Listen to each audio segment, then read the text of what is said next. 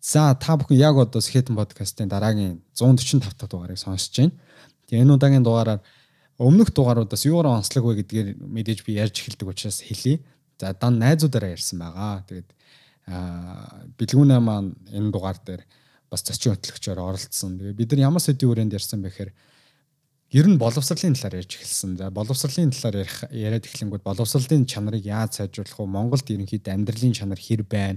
Залуу хүмүүс ялангуяа шударгаар ингээд өөрсдийнхөө хүчээр хөдөлмөрлөөд амьдрах хөдөлмөрлөөд амьдрахад боломж нь бас хэр нээлттэй байна гэдэг сэдв рүү орсон учраас яалтчгүй тогтолцооны асуудлыг хөндлөө, системийн асуудлыг хөндлөө. Тэгэхээр улс төрийн талаар залуучуудын үзэл бодол бид нар үзэл бодлоо нэгдүгээр хоёрдугаар хуваалцсан байгаа.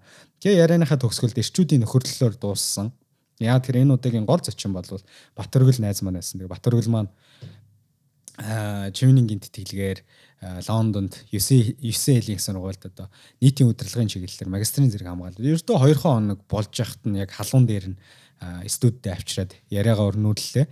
Тэгэхээр найзаасаа бас энэ академик боловсролын талаар гадаадад боловсрол эзэмшээд явж ихын цаг үед бас Монголда юуг нь илүү сайжруулах залуу хүний хувьд сайжруул сайжруулж явах хүчин хүсэл эрмэлзэл байна.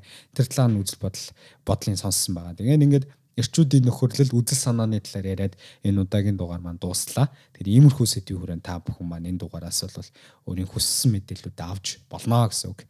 Тэгэхээр шинэ дугаараа хамтдаа эхлүүлцгээе. Ингээд подкаст руугаа өсөрцгээе.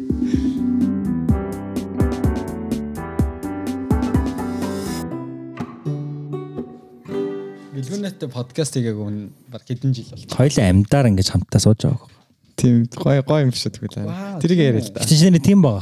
Хоёлаа нэг би нэг Монголд ирчээд нэг хий гэж ярьж. Нэг старт coworking нэг офис дээр старт илүү. Ивент хийдэг. Тий. Ивент үү? Тэгэхэд нэг хоёлаа нэг онлайнаар нэг лайв хийжсэн. Лайв бол хийж байгаа. Лайв хийжсэн хийжсэн. Би аяар санаж байна. Хоёлаа яг зэрэгч сууж байгаа. За эхлэх үү? Болцсон тий. Рег дарсан тий. За.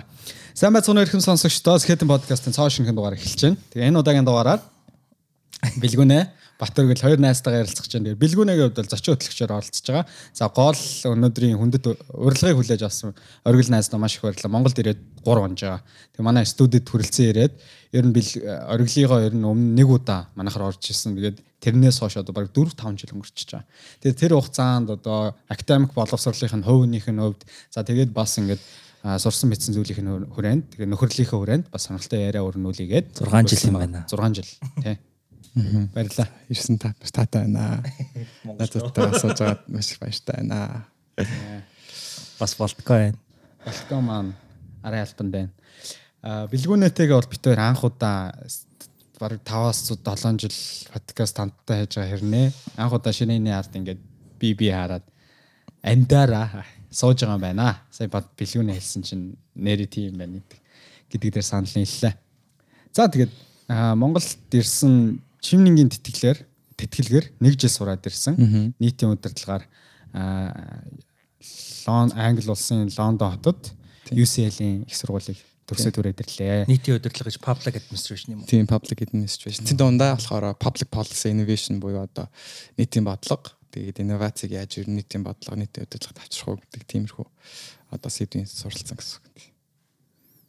Тэгээд найз нь эхний асуултаа ингэж асуух гэдэг юм л да. Одоо чи Америк нэгдсэн улсад бакалаврын зэрэг эзэмсэн. Тэгээд дээр нь Англи улсад одоо ингээ мастрын зэрэг эзэмшээд ирлээ. Чиний ингээ мэрэгчлүүдийг харах юм бол за Аризонагийн их сургуулийг төгсөхдөө бол байгаль орчин судлал улс төрийн шинжлэх ухаан гэдэг сэдвээр төгссөн тийм. Тэгээд одоо болохоор нийтийн удирдлага. Яагаад энэ салбар руу яагаад энэ мэрэгжил рүү одоо жишээ нь чамайг юу хөтлөөд оруулчих вэ? Нэг талаасаа одоо жишээ нь мэрэгжлийнх нь би нэрийг хэлээд яах вэ? Бас ингээд гоё сонсогддог, илүү их мөнгө олдог, зах зээл нь илүү том. Тийм мэрэгжлүүд мэрэгжлийг сонгоод түүгээрээ сурах бас боломж чамд байсан уу? Аа тийм одоо гоё сонсогддог мэрэгжлүүд байж тээ маш их мөнгө олдог. Тэг яагаад тийм мэрэгжлүүдийг анханасаа сонгоогүй юм бэ? Тий. Аа би нэг үнтэй өнгөрсөн жил ярьжсэн. Тэгсэн чинь их асаахгүй жоо сурж байгаа хэрэг MPA гэдэг. Одоо миний англиар болохоор MPA гэж байгаа байхгүй. Тэгсэн чинь чи MBA-гээр сурахгүй яасан гэд. Одоо MBA-гээр болохоор чиний зөвхөн хэлсэн шиг одоо төгсөх юм бол гадны компани 100 сая долларын цайлаа аваад ч юм уу консалтинг хийгээд ч юм уу явах боломжтой хүмүүс байдаг. А миний хувьд болохоор яг багаас өсөхдөө л ерөөсөө л нэг тийм одоо мөнгө олох нь ч юм уу боцохад захад задлаа байж гэнэ бол надад нэг тийм чухал байгаагүй. Ягаад тэгэхээр би одоо тургуулаа төгсчөөд гэсэн ажиллахдаа төрийн бус байгууллагад ажилласан. Тэгээд ингээд явж хахад нэг цалин олохгүй байгаа мөртлөө яг хийж байгаа ажлаасаа урам зориг аваад одоо хийж байгаа ажлаасаа гарч байгаа импакт буюу үр дүнгээ өөрөө мэдрээд явах нь миний хувьд хувь хүний хувьд амар тийм гоё зүйл байсан санагдсан. Тэр утгаараа ч гэсэн би яг яагаад одоо мастера MP-гээр одоо нийтийн хувьсгалаар сурах болсон бэ гэхээр а зориг санд би өмнө хөтөлбөрийн зохицуулагчаар ажилладаг багтаа маш олон залуучуудтай нийт ямар нэгэн нийгмийн төсөл дээр ажиллаад тэднэртэй хамт ажиллаад ингээ явж маш их юм сураад тэгээд ингээ харахад нүдний нүдэн дээр ингээд маш их том өөрчлөлт гараадсан байхгүй. Тэгээ за хэрвээ би төрийн бос байгууллагт ийм их өөрчлөлт гаргаж чадж байгаа бол бодлогын төвшөнд хэрэгтэй мэдлэг мэдээллийн суралцаад явах юм бол энэ үр дүнгээ энэ их гаргаж байгаа ажлаа илүү бүр том болгох боломжтой юм биш үү гэдэг байр суурийг харсан байхгүй. Тэгээд за ерөөсөө ерөөсөө бодлохоор нийт удирдлагаар сурах гэдэг тийм шийдэл төрж ирсэн.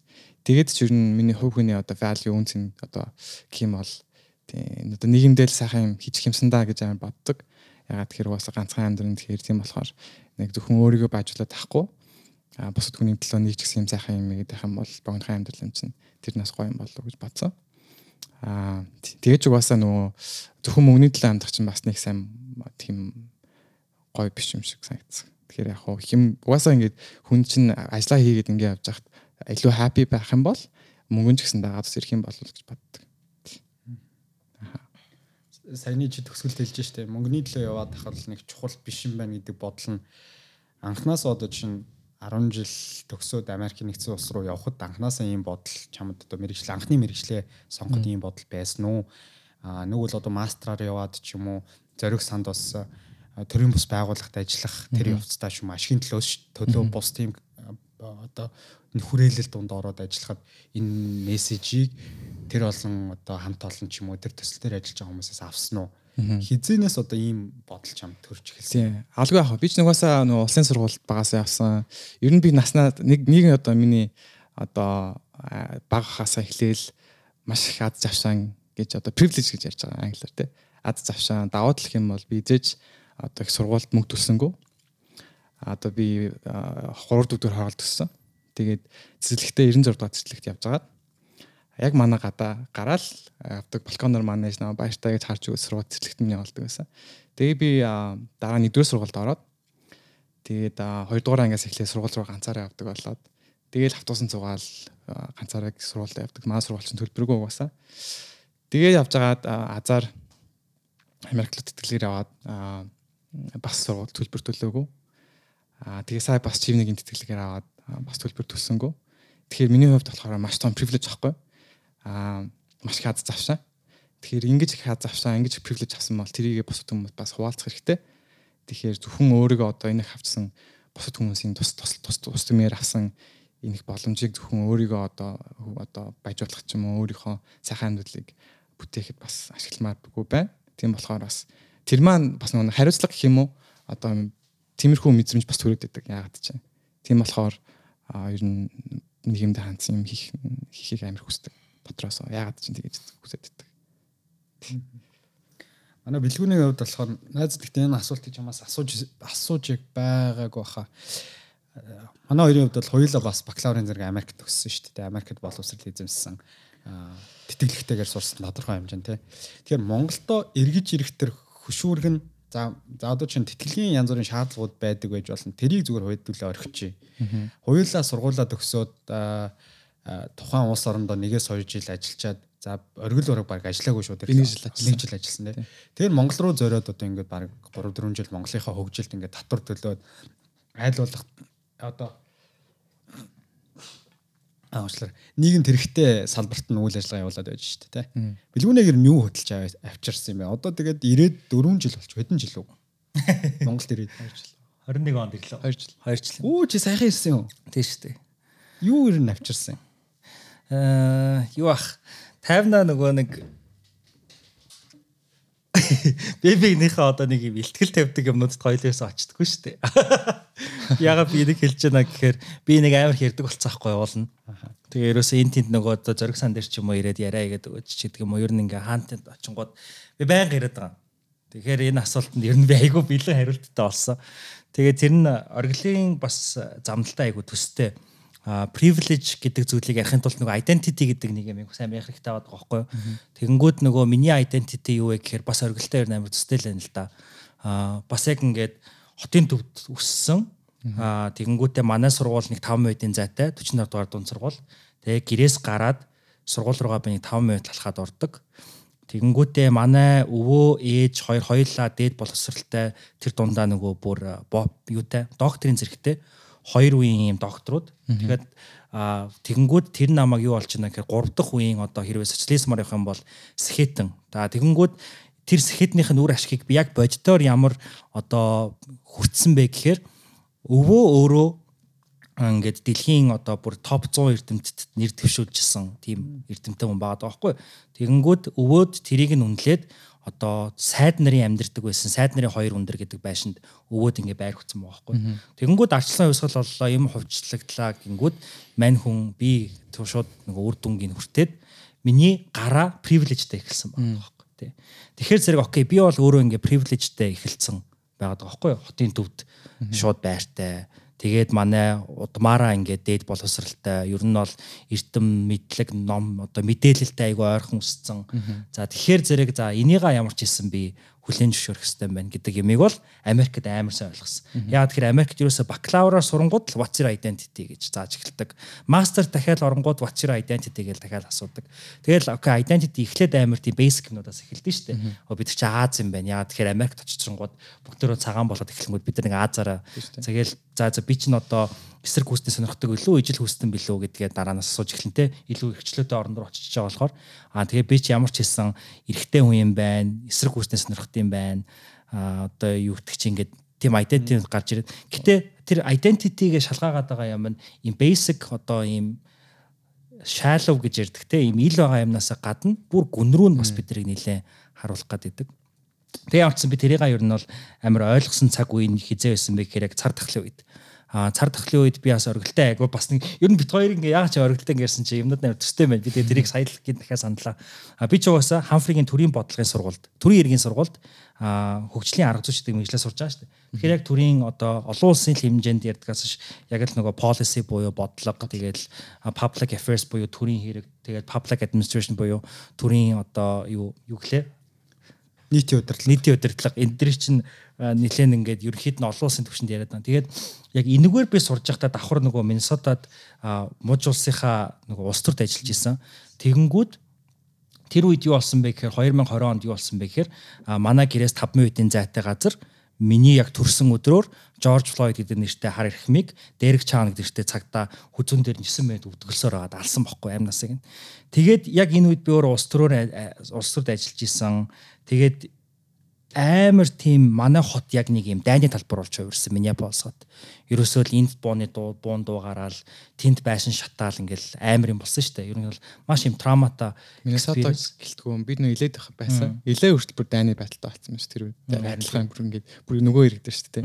Амар бас. Тэг яг хуу дайны байдалтай болох нь нэг өөр байсан баг. Тэр дээрэс нөгөө яг нэг юм дэргэд ингээд ингээд хүн ингээ алуулсан гэж бодохоор л амар санагдаад тэгээд тэгээ ер нь тэр үед бол ингээд маш их тийм тогтолцооны асуудлуудыг маш гүн судалж эхэлсэн.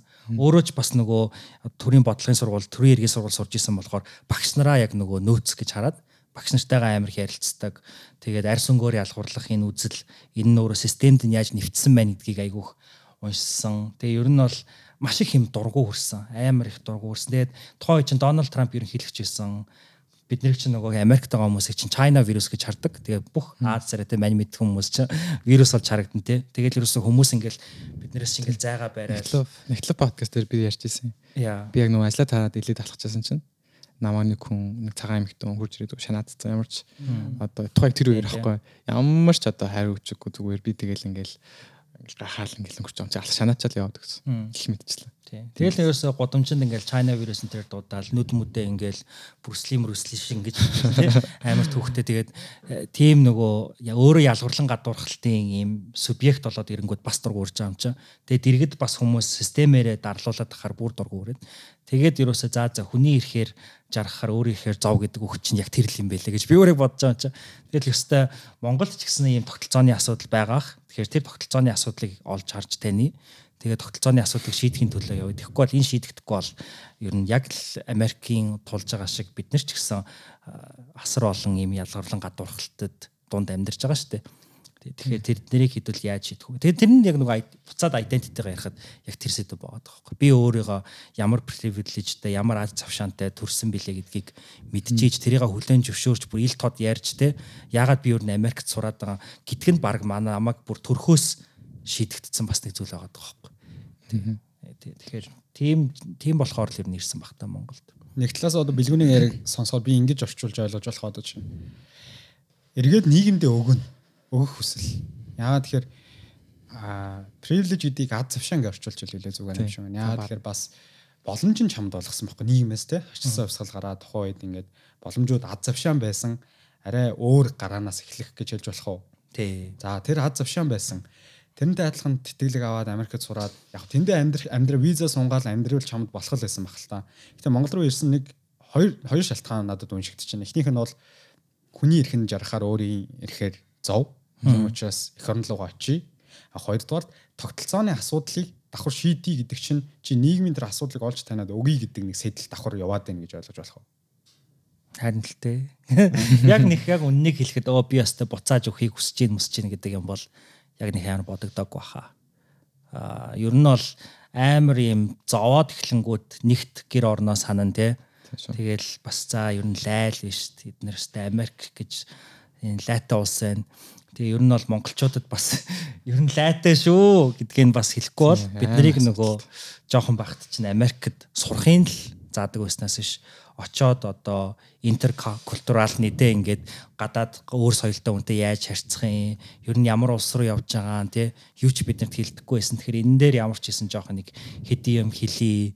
Тэгээд заавал нөгөө миний туршлага нэг тийм 100% гоё сайхан биш гэдгээ Монголдоо ирээд ярий гэж бодсон байж маа. Яг ялангуяа тэр харагдаад тийм яг нөгөө 10 жилийн хүмүүс Америк руу сургууль сурах гэдэг хүмүүс яг Америкийг кино шиг ингээд зураг шиг төсөөлдөг те. Стал хөгжсөн юм бахта гэл. Яг үүндээ бараг дэлхийн дээр хамгийн их асуудалтай орны нэг биш магадгүй. Маш их олон орны одоо мангар олон соёл заншиллаас ирсэн хүмүүс тэнд ингээд амьдарч байгаа те. Чагнагдаад бүгдээрээ тэнгууд одоо одоо бэлгийн чин хадлах ч юм уу, ус төрийн хандлах ч юм уу одоо юу гэдэг нийгмийн эдийн засгийн байдал бүр ингээд маш тэнцвэргүй болцсон тэр улс чинь. Тэгээд энэ дэлхийд Америк шиг тийм тэнцвэргүй улс юу байхгүй бах. Тэгээд дэлхийн одоо хамгийн бага 1% нь одоо 0.1% нь одоо үйлцэн улсынхаа баг 50%-аас илүү хөрөнгөтэй болцсон тийм амар одоо тэгш бус болцсон орн маш их асуудалтай байт юм лээ. Тэрийг яг би одоо 18-аас 23 нас хүртлээ яг одоо одоо том хүн болтлоо л тэр насаа л яг насанд хүрсэн амьдралаа тэгж Америкт эхлүүлсэний хувьд маш их хэмиг сурж авсан. А тэр дагаараа хажуугаараа бас төр бэлгүүнийг хэлсэн шиг маш их зүйлийг ингэж асуудлуудыг олж харж чадсан юм лээ. Тэр нь бас нэг төрлийн бас привилеж болж байгаа хгүй. Тэнгүүдээ Монгол тэрэнгүүдээ за Монголын асуудал юу вэ? Монголд бол яг хуу арьс өнгөний үзэл ч юм уу одоо өөр шашны асуудлууд бол алга. А гэхдээ одоо баян ядуугийн ялгаа бол маш их байна гэдгийг бол харж эхэлдэг юм бэл. Тэ. Өөр асуудал гэхдээ бас асуудал. Зөндөө л асуудал. Зөндөө асуудал байна. Гэтэ би юу яаж магадгүй юм бэ? Би харин ч баг энэ дээр авахыг хүссэн байж магадгүй дээ, тийм шүү дээ. Тэр нь юу вэ гэхээр ингээд хит их Америкт ч юм уу ингээд удангууд ерөөсөө нөгөө өөрийгөө алдах ч юм уу те ингээ асуудлыг ойлгохгүй ер нь жоохон нэг юм тэнэг болчих магадгүй мэн гэж бодож байгаа байхгүй. Тэгэнгүүтээ за ер нь Монголд орд ирж ер нь жоохон Монголоосоо юм авахаар идүү. Монголоо л ер нь жоохон ойлгоё гэд Монголоосоо авахыг баг хүссэн байж магадгүй. Тэгэхгүй бол хитрхи бас хүндэрчүүл амар. Би ер нь тийм амар хүндэрсэн хүмүүст айгу дургу яг үннийг хэлэхэд. Яг би за найз наад хүндэрсэн гэдэг дээр чинь шууд асуухыг хүсэж байна. Одоо ер нь Америк нэгдсэн улс руу Ivy League-ийн топ сургуулиуд руу явж байгаа хүмүүсийн хамгийн гол шалгуур бол эссе гэдэг шүү дээ тий. Тэгээ та хоёр одоо нэг нөгөө хэлэхэд эссен дээрээ бакалаврт явахдаа юу гэж бичиж исэн бэ? Ер нь зүгээр би зүгээр ингэж би өөрөө Америкт сураагүй л дээ. Гэхдээ ихэвчлэн сонгох тэр одоо шалгуур үзүүлэлтүүдийнх нь гол шалгуур үзүүлэлт нь энэ хүн улс орондоо эргэж сурч сурчаад эргэж очиод ямар хувь нэмрээ оруулах юм бэ гэдэг талаас нь харж тухайн сургууль сонгож за тэтгэлэг өгөхөр л өгдөг болов уу гэж би боддог байхгүй юу. Тэгэхээр ихэвчлэн явах гэж байгаа хүмүүсэнд эсэн дээрээ нийгмийн асуудал ийм асуудал байна.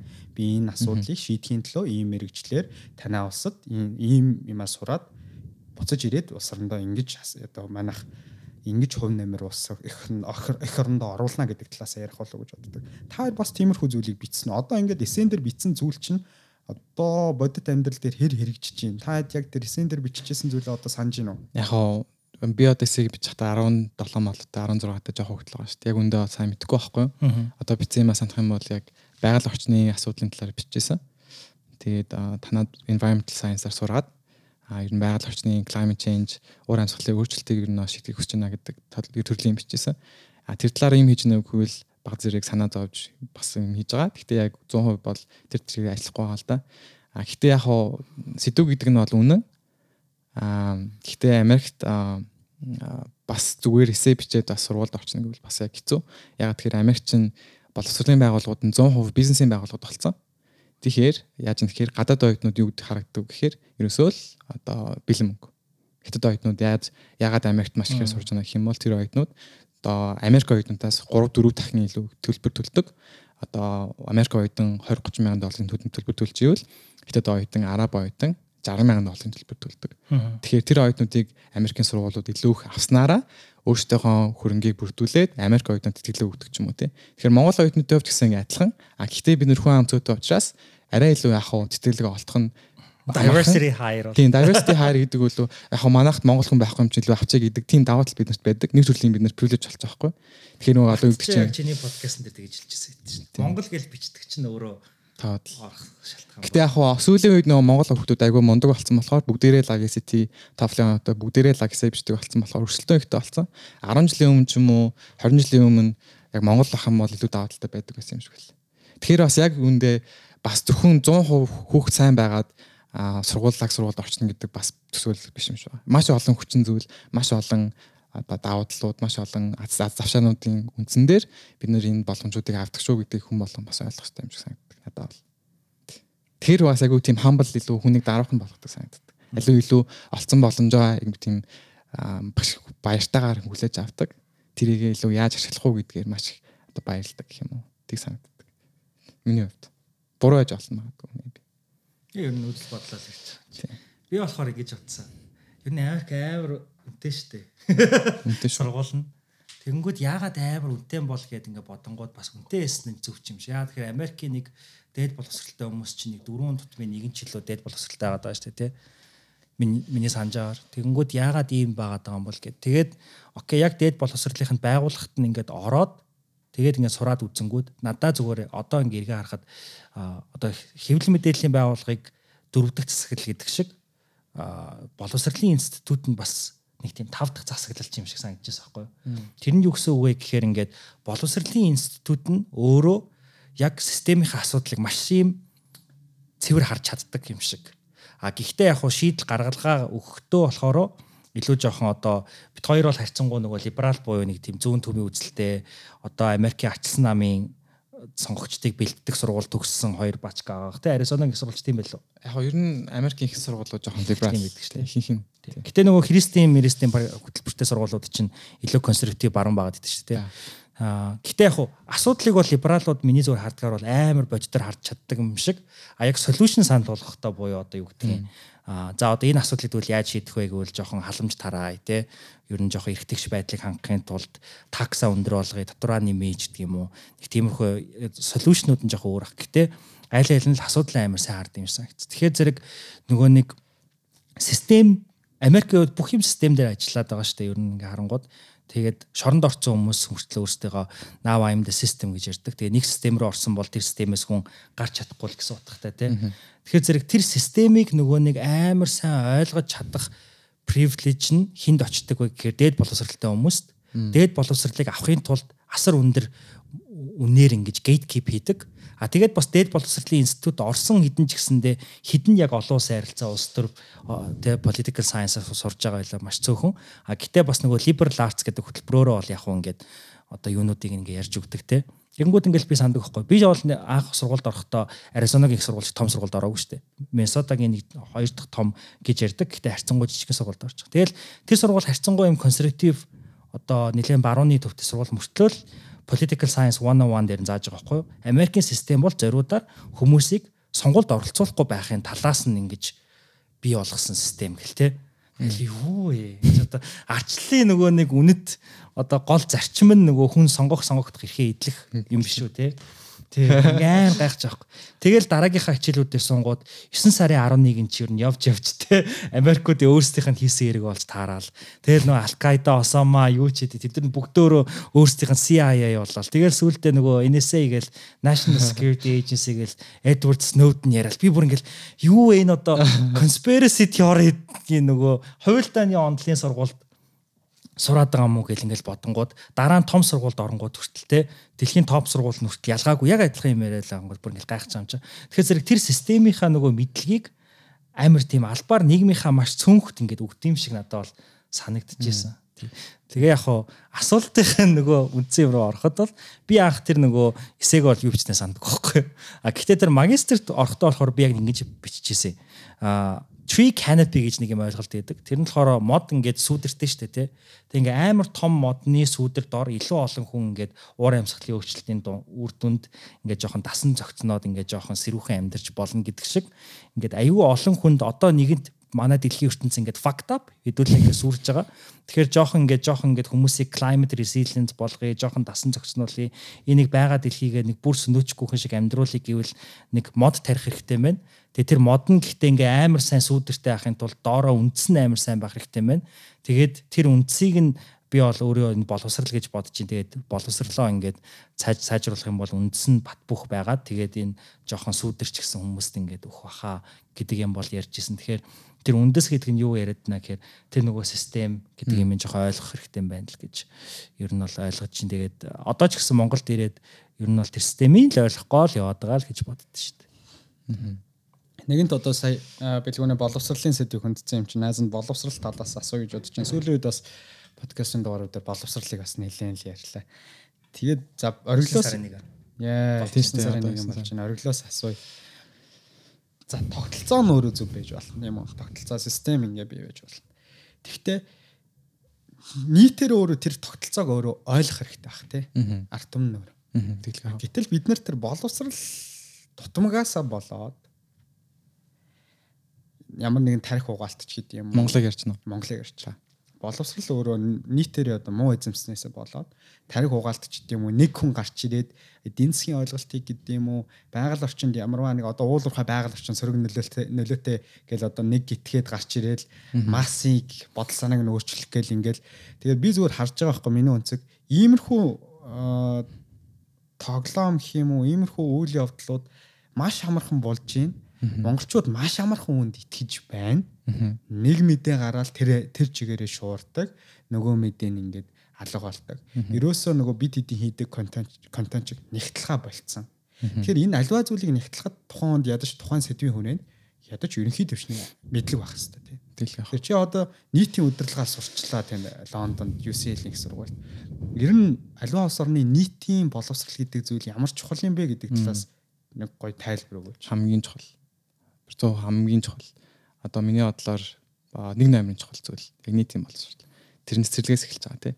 Цэцэрлэгт одоо манай хамт чивнэнгээр авсан агч нар бүгдээрээ зарим нь гэр бүлтэйг авсан. Тэгээд хүүхдэн хүүхдэн 4 5 настай цэцэрлэгт оруулж байгаа байхгүй. Цэцэрлэгт юу зааж байна гэж сонссон чинь за чи найзаагаа уурлуулах юм бол найзаагаа яаж уучлах вэ юм бэ гэдгийг багсны зааж байна гэж байгаа байхгүй. Тэгэхээр цэцэрлэгт хүүхд чинь одоо юу гэдэг чинь хүсэг сурхаасаа илүү, мэв заримдаа дуу сурхаасаа илүү яаж найзаасаа уучлах авах юм бэ гэдгийг сурах нь илүү чухал байгаа байхгүй. Тэр нь тэр хүнийг зөв болгож байна гэсэн. А сургуультай ороод найзуудтайгаа зөв харьцдаг болж эхэлнэ гэсэн. А тэр хичээлээ ихэд зөв хүүхэд сургуульд орж бэлтгэж байна гэсэн болж байгаа байхгүй тий. Тэнгүүн нэгдүгээр ангиас эхлээд одоо олон төрлийн зөвхөн тоогоор нүдэд авахгүй ямар ч одоо би бол 10 жил сурахтаа нэгдүгээр сургууль чинь тооны сургууль гэж ярьдаг тий.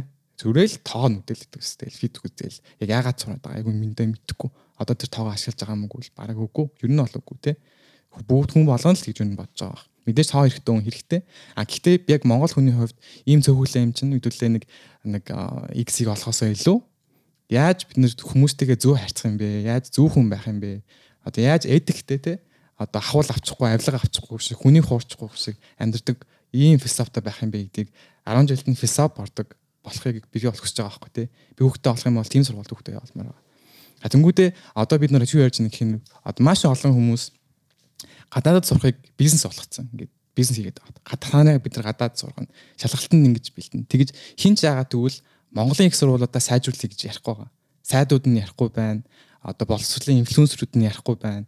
Оюутнууд нь өөрсдөө ярихгүй байна. Хинч ярихгүй байна. Энийг ярих хэрэгтэй байхгүй юу? Боловсрол одоо гадаад сурна гэдэг бол гоё. Мэдээж маш их даваа тал привилеж гадаад дэлхийн ертөнцийг үзнэ олон хүмүүстэй танилцсан. А гэхдээ гэрээсээ хоолно гэдэг бол аюу хэцүү байхгүй юу? Эсвэл эсрэгээр бид нар Монголдо чанартай боловсролыг эзэмшээд гадагшаага нэг семестр юм уу юм үзэх гэж авдаг тий. Эсвэл найзуудтайгаа уулзах гэж авдаг. Тэг тийм болох хэрэгтэй болмоор шүү дээ бид нар. А миний хувьд бол тэрийг маш полосо гэж амар хүсдэг. Public боловсралтай манай муйс юм уу ангаах юм уу гадаадад Монголд ирээд тэр хүмүүс муйс сурах гэж аплай хийдэг болмоор гэж тэ. Тэр хүмүүсээс бид нэр тэгвэл Монгол хүнээс 3 саяын төвшин авч байгаа бол тэр хүмүүс 30 саяын төвшин авдаг. Тийм чанартай болох юм бол манайх тэр тэр даяараа одоо банан боловсрлоо хөгжүүлэх мөнгөтэй болно, research судалгаа хийдэг болно тий. Байшин барилгаа сайжруулна ингээ явах гэж бодож байгаа байхгүй. Тэгээд энэ дээр найз нь хэлэх нэгэнт бид нөр оройтцсан юм шүү. Үгүй шүү дээ. Одоо мэдээж мэдээж хоцорж байгаа тий. А гэхдээ магадгүй. Жишээ нь Монголд яаж ч бид нар бодлогыг сайжруулад их сургуулиудын чанарыг заа сайжруулад бид нар ямар нэгэн байдлаар ондоошил юм уу дэлхийд дэлхийд өөрөө арай нэг онцлог зүйлийг л онцлог хөтөлбөрийг санал болгохгүй болвол таасан аюулын тэр хэдэн зуун жилийн түүхтэй их сургуулиуд тэднэр сурд байгаа хүмүүс орох гэж байгаа хүмүүс Монголыг бол сонгох гэж би ирэхгүй байх гэж бодож байна. Энэ дээр яаж дүүл? Ястаа ястаа мэдгүй юм. Яг одоо тэр хариулт нь надад байдаг байсан. Энэ уралдаанд айл үжээ. Би зүгээр амар Зөвхөн би та хоёрыг амар ингээд сорж асууж байгаа юм шүү. Би энэ уралдаанд бол амар хоцорцсон байх гэж бодож байна. Нэг их сургуулиудыг сайжруулах нь чухал. Гэхдээ яаж? Тийм. Одоо би хариултыг мэддэг байсан бол энэ сайд долларын хариулт гэдэг шиг үнэхээр хийчмээр л байна. Мэдхгүй. А гэхдээ тэрийг хариулт нь олохын тулд бид нар бөөнөрөө хоорондоо одоо төрийн байгууллагууд нь, хувийн байгууллагууд нь, багш нар нь, сурагчид нь бүгдээрээ хоорондоо хамтын ажиллагааны дүнтэн дээр хийх ёстой гэж боддог. Тэгэхгүй ингээл сайд нь гарч ирэл ингийн ингийн хамгаалалтын сайд үрж ирэл ингийн тийг нь тийм их мөнгө өгөх юм бол а нэгдүгээр хоёрдугаарт би бас юу ярих гэсэн юм гэхээр манай нэг швейцар найз цаа манай UCL ангийн нэг залуу флоу гэж залуу швейцар залуу байхгүй. Тэгээд ингээд бид хоёр ингээд нэлээд найзууд надад юм ярьдаг. Тэгсэн чинь би асууж танаа нь боловсрол ямар хүн юм бэ? Систем нь яа гэм бэ гэсэн чинь одоо монголч нь одоо Улаанбаатар хотод хувийн сургууль байгуулах бол хамгийн ашигтай бизнес болсон байна те. Бүгд шуурж байна хувийн сургууль. Одоо Сингапур сургууль, Япон сургууль, Турк сургууль, Америк, Британи сургууль одоо бараг дэлхийн бүх орны сургууль байгуулах гэдэг юм байна. Хот сургуулиуд руу явуулдаг сургууль. Тий, тий. Зөвхөн маань сургууль авах юм бол гадаад руу Харвард явуулдаг сургууль гин тий. Эсвэл Монгол сургууль нь байхгүй тий. Монгол identity Монгол хүн зориулсан боловсруулсан хамгийн чухал байхгүй тий. British хүн зориулсан боловсрол Монгол хүний бие физиолог, оюун санаанд таарахгүй. Тэрийг нутагшуулж оруулах тийм юм ерөөс хийхгүй байна. А тэнгүүд тэр бизнесийг миний хувьд амар зэмлэгч зэмлэгч байгаа байхгүй. Яг тэр яг тэр сургуульд хүүхдээ өгж байгаа эцэг хий бол хэзээ ч буруутахгүй. Яг тэр эцэг эхчүүд хүүхдтэй хамгийн сайныг зориулъя. Хамгийн сайн ирээдүйг бэлгэлээ гэдгийг л хичээж байгаа. Буруут гарах байхгүй Систем юм болсон учраас 60 хүүхдээ миний нэгдүгээр сургуульд өгч байгаа манай 55 хүүхдээ байсан. Би гурвал цудаг. Би жижигэн битээ болохоор дандаа гурвал цудаг байсан. Тэ? Тэгэл том битээ хүүхдүүд нь хоёроос суучдаг. Наав жижигэн чинь батөрглоо гурвлаа суучих гээл нэг бас хоёр жижигэн битээ гурвлаа бид гурав шахацлаа. Нөгөө зүүн гартаа солгоо гартаа хүүхдээ суучих юм бол би чадахгүй тэ. Тийм чинь яаж нэрээ эцэгчүүд хувийн сургууль, улсын сургууль хүүхдээ өгөх бодох юм тий. Тийм, яг үндэ тийм ингээ амар ингээ би тэр ингээ саанс авч явдаг болохоор ингээ ингээ байхгүй. Тэгэнгүүт мань хүний болохоор Швейцар яадаг вэ гэсэн чинь Швейцарт эсэргээрээ улсын сургууль нь амар сайн гэж байгаа. Улсын сургууль, хувийн сургуульд ямар хүмүүс явдаг гэсэн хичээлдээ муу сурсан хүмүүс хувийн сургуульд явдаг. Тэгээд маанаас тэгээд би бүр амар ингээ баяртай. Яг би гайгүй хичээлдээ сайн байсан болохоор улсын сургуульд явдаг байсан. Тэгээ манай баяртай. Амар баяртай. Тэгээд маа одоо жоохон муу сурдаг найзууд хувийн сургуульд сурсан гэт ярьж байгаа. Тэгэхээр вау манад идэг бол ямар гоё тий. Гэтэ Хинти аймгийн улсын сургууль гоё хаа. Тийм баг. Тэгээд э, найз чинь тэр Швейцар улс ингэж улсын сургууль нь сайн бах суурь нь хаанаас яг тавигдсан ямар хөтөлбөр тогтолцоо хэрэгжүүлсэн болохоор тийм болсон гэж багасаа л одоо Швейцарч маш зүг бодохтой л болсон. Монгол шиг л тэгэл нэг 4 5 сар үнэтэй тий. 3 4 савнтай. Тэгээл бас нэлийн хүйтэн цаг агаартай. Өвлөн тэгээл 2 3-ыг л ханах болцдог тий. Аа тэгээ бас нэлийн үндэсний цөөх цөөхтэй Монгол шиг. Ер нь адилхан дуу. Тэгээ Скандинавын орнууд ч энэ одоо Норвег, Швед маш хамгийн өндөр хүчтэй орнууд тэнд байна шүү дээ. Тэнд болохоор бас яг Америк шиг капитализм байхгүй байна. А тэгтээ бид нэр ярьдаг коммунизм байхгүй байна. А social capitalism гэж байгаа хэрэг. Одоо тэр хоёрыг хойлцсон хамгийн сайн юм аваад хайх юм хаяад авцсан тэр тогтолцоо. А Монгол болохоор хитрхи бас Америкийг дагаад ч юм уу илүү капиталистик болох гэдэг юм болов гэж хөрөнгөний зах зээл рүү орох гэдэг юм болов гэж бодоод байдаг.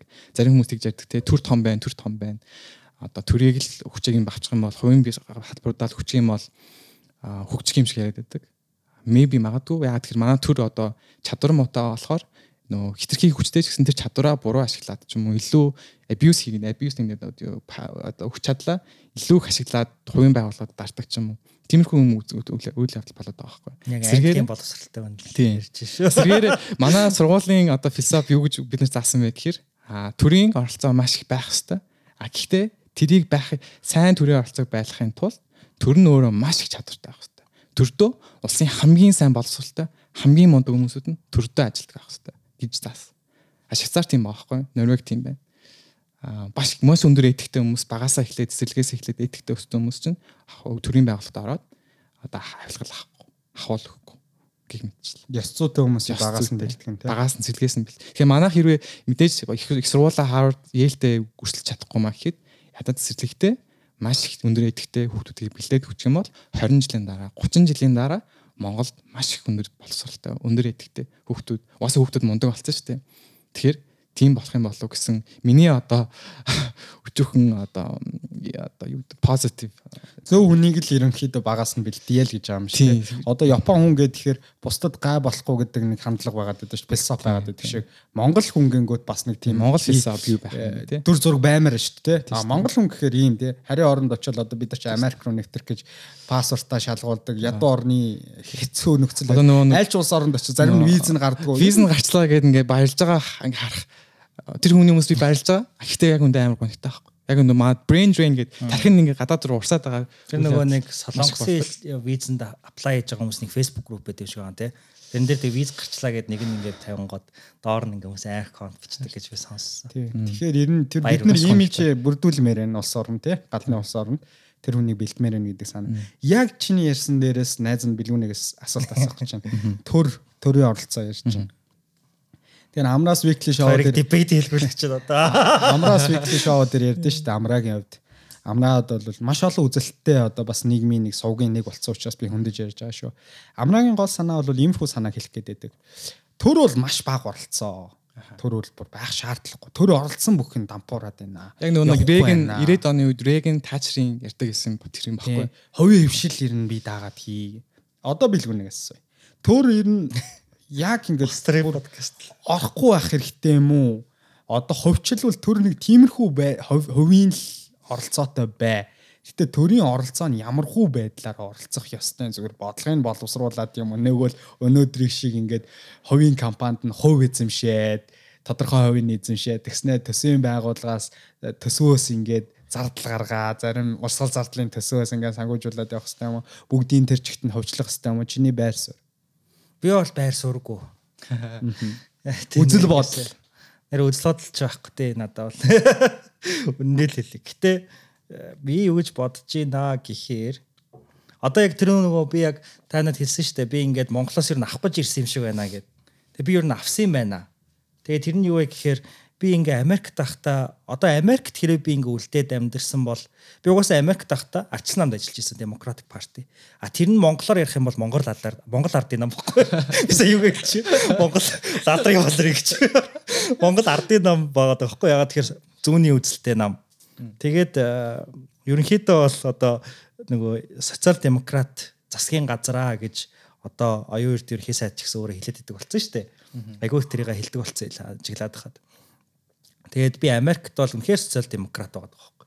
Би Америкт социал демократ байгаасаа гэж хүсэж байна. Дахиад арчсан нам ялаасаа гэж айгу хүсэж байгаа. Яа тэгэхээр тэр том 300 сая хүн амтай газар маш олон өөр ингээд өөр өөр хүмүүс байдаг.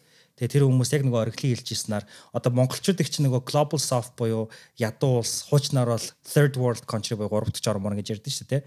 Монгол бол яг тийм. Тэгсэн мөртлөө Америк дотроо дахиад тийм third world country буюу global south байгаад байгаа Тэгэхээр тэрийг нэг жоохон equal болгохын тулд зүүнийх нь бодлого нь арай Америк таарах ч юм уу гэдэг. Тэгээ би ингээд Америкт бол нэлээд юм зүүний үзэлтэй. Одоо би бол LGBT хүмүүсийн эрхийг хүндэтгдэг, зөвшөөрдөг ч юм уу те. Аа би бол одоо Монголыг геймерэж хийгээсэ гэж бодож байгаа ч гэх юм. Ийм юмнууд ингэ надад байгаад байгаа байхгүй. Тэгээ би Монголд хурж ирээд би тэгээ за окей тэгвэл миний үзэл бодол би Монгол ардын намтай л нэг тал юм байна да гэд ингээ харангууд бас биш байгаа байхгүй. Тэгээд яагаад биш вэ гэхээр яг энэ Монгол ардын намдаа бас асуудал юусоо байхгүй. Тэр нь юу вэ гэхээр монголчууд 90 онд хувьсгал хийгээд тэгээ бид нар нэг юм ямаа нэг юм сэргээ мандуулжээ. Тэгэхээр ингээд Монголын консерватизм гэдэг зүйл ингээ мандсан байгаа байхгүй. Тэгээ Монголын консерватизм гэдгийг юу вэ гэдэг ингээ харсан чинь монголчууд ч бас 13 дугаар зуунд дэлхийг ингээ байлдан дагуулж та. Одоо нэлийн өөр өөр төрлийн өөр өөр хүмүүсийг за та нар юу н ингээл асуудалгүй ингээ сайхан ингээ хэдүүлээ нэг доор нэг гүрэн болоод амьдрий.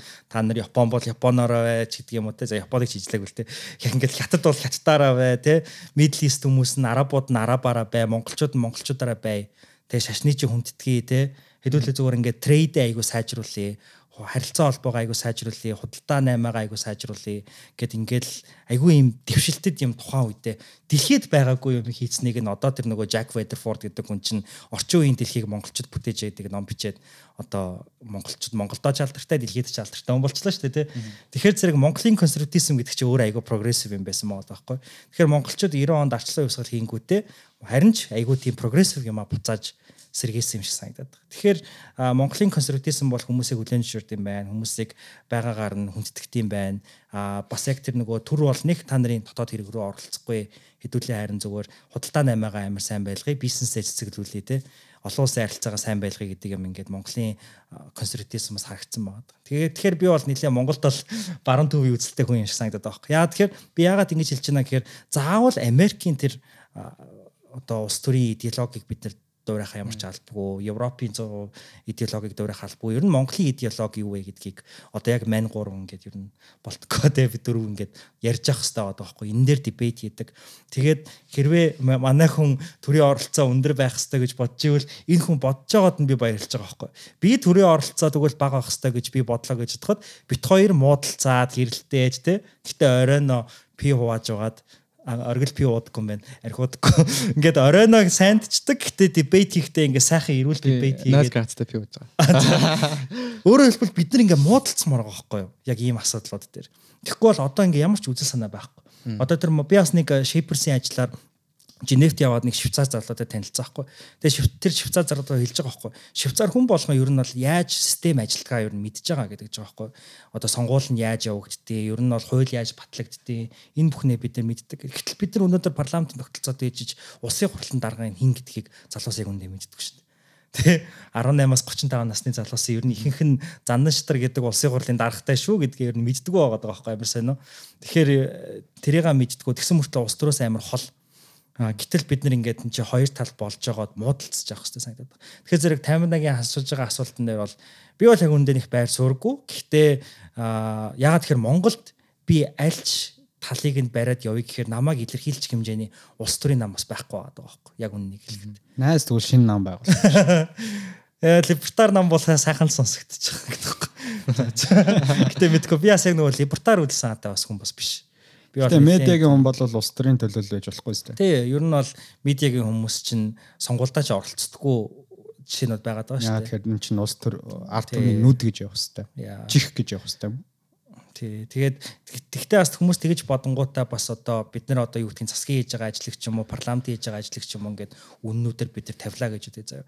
Хамгийн инээдтэй юм бол бид нар засгийн ч юм уу парламентын ажлыг сурталчлаад байна гэж харагдаад байдаг юу. Аа гэтэл яг түрүү оргил хэлсэн шүү дээ.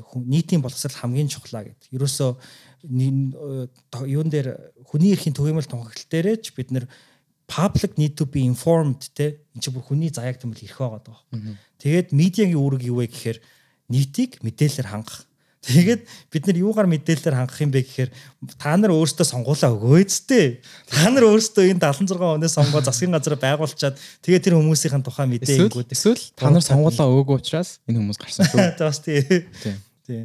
Тэгэхээр зэрэг тэгэл одоо татвар нэмээдээ бол хохин угаасаа бид нар зүүнний нам сонгосон тий төрийн оролцоо өндөр байна гэдэг дургуцаад байвал хохин бид нар өөрсдөө тэр сонголтыг хийсэн. Гэтэ энэ нь зарим хүн зөв бодогдчих магадгүй байж болно шүү дээ. Байж болно. Тэгэхээр тэ энэ дээр хэдүүлээ амар илт лилэнгүүд илт тод илэн талангуй ярилцах л таах. Тэгэхээр миний хариулт бол тийм л. Тийм. Би бол яг ийм тийм гэж хэлэхэд хэцүү. Гэтэ Тэгээ зарим юм дээр бэлгүүний шиг ёо, байр сургуу байвал амар зүгээр юм. Хэлэхгүй ингээл юм болгоно байр суртай байх гал стресстэй л тийм ингээл би тэрийг тэгж бодож байна. Заримдаа зүгээр бодохгүй байл амар. Гоё үг байна те. Яг үндэ бүх бүх юмны талаар стресстэй тах юм бол чи амар юм болж шүү дээ. Бүгд өдөр болгон мэдээ унших юм бол тэнд ч пригош нөхөө л дээ өнөөдөр тэнд ч хаваад гал гараал зарим юм дээр зүгээр л одоо exist орчих хэрэгтэй. Медиагийн салбарыг удирдах явж байгаа шүү дээ бэлгүүнийг. Яа салбарыг нь Медиа. Аа уушлаа арай арай том том зургаар ярьчлаа тийм. За медиа компаниг удирдах явж байгаа хүний хувьд нэг юм яриад дээ. Монголд медиагийн бизнесийг хийхэд ингээд би даасан медиа гэдэг зүйл байдаг юм аа. Тэр бол худлаа аливаа ямар нэгэн медиагийн ард бол за заавал нэг эзэн байдгаа гэдэг хардталтай байдаг. Нийгэмч өөрөө хардах хэрэгтэй учраас тэр бол асуудал биш байх.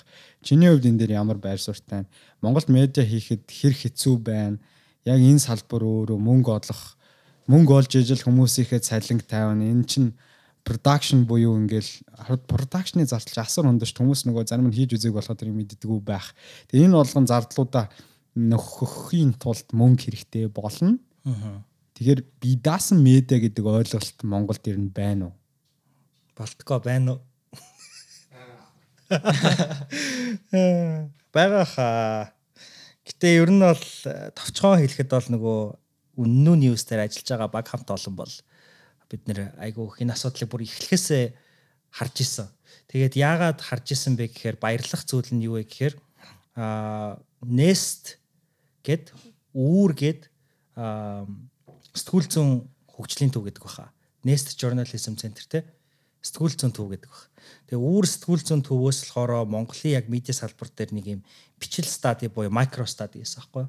Тэгээ тэр стади дээр юу гэж харагддаг вэ гэхээр Монголд одоо яг бүртгэлтэй нэг 500 орчим медиа компани байгаа. 500-аас 600 жил. А тэгэхээр бид нэр Монголын хүн амд хуваагаад үзэнгүүд нэг 5-аас 6 мянган хүн тутамд ер нь нэг медиа компани оногдоод гэтээ яг тэр компаниудын хідэн яг идэвхтэй байгаа гэх бол мэдэхгүй л дээ те. Одоо Сэхэтэн ч гэсэн ингээл нэг медиа компани бол явж байгаа штэ. Аа тэгэхээр зэрэг тэндээс юу харагдаж байна гэхээр ихэнх медиа компаниуд нөгөө entertainment дээр мөнгө олдог. Өөрөөр хэлбэл stand up comedy, тэгэл нөгөө comedy sketch те. Одоо бидний нэлээд үздэг л ер нь бол Facebook, YouTube сувгууд бол бүгдөө entertainment штэ. Тэгэхээр нөгөө яг мэдээ мэдээлэл гэдэг бол нэлээд нөгөө secondary class буюу нэг юм ач холбогдол өгдөггүй медиагийн салбар байсаар ирсэн Монголд. Тэгэнгүүт одоо юу гэдгийг үннүү ч юм уу Lemon Press ч юм уу, Norg ч юм уу энэ одоо шин медианууд гарч ирээд мэдээг сонирхолтой болгох гэж тал талд л оролцож байгаа нь айгуу гоё байгаа байхгүй. Тэгэхээр зэрэг ямар ч хэсэн нөгөө мэдээг нь айгуу сонирхолтой болгох ямыг бид нар хийгээд ирэнгүүт бизнесүүд нь дэмжиж эхэлж байгаа байхгүй. Ер нь бол бидэртэй хамтарч ажиллая гэсэн бизнес. Тэгэл одоо өнөөдөр яг төрсөн өдөр нь болж байгаа. Энэ M банк бол бидэрт мөнгө өгөөгүй шүү заяа. Гэтэ одоо M банк бол бидний хамгийн анхны л клиентуудын нэг байгаа байхгүй. Бидний хинч биш байхад л мөнгө өгөөл та нар нэг гой контент хийгээд үзээч гэл. Тэгэл бид нар хийгээл үтсэн амар хичээсэн. Тэгэл M банк таалагдаад бидэрт зөндөө контент хийлгүүлсэн. Тэгээд би хувийн бизнес нь бизнесүүдэд дэмжиж медиа гэдэг бол өөрөө бизнес. Тэгээд бизнес нь бизнесүүдэд дэмжиж ингээд бие даасан байдалтай байх боломжоор нь хангаж ивэл хонгож байна. А гэхдээ бас их дангаараа бид нар зөвхөн нэгэн бизнес модель дээр явна гэвэл бас хэцүү. Тийм болохоор бид нэр одоо өнөөний юус төр байгаа авьяас чадрууд бол ингээл одоо жишээ нь Сэхэтэн бол яг энэ студид хүртэл бид нар мөнгө өгч байгаа шүү дээ тий. Подкаст бичихийн тулд мөнгө өгч जैन. Тэгэхээр нэг орлогын их усэр энд байна. Аа тэгэл одоо компаниудад ингээ бид нэр видео продакшн хийдэг баг маань одоо энэ ч энэ студ дээр жишээ нь 2 3 өөр компани одоо подкастууд бол ингээ хийгдэж байгаа. Энд одоо жишээ нь шал өөр подкастны ингээ лого газар хөвтөж байгаа хэмжээ дэвшний юм уу те.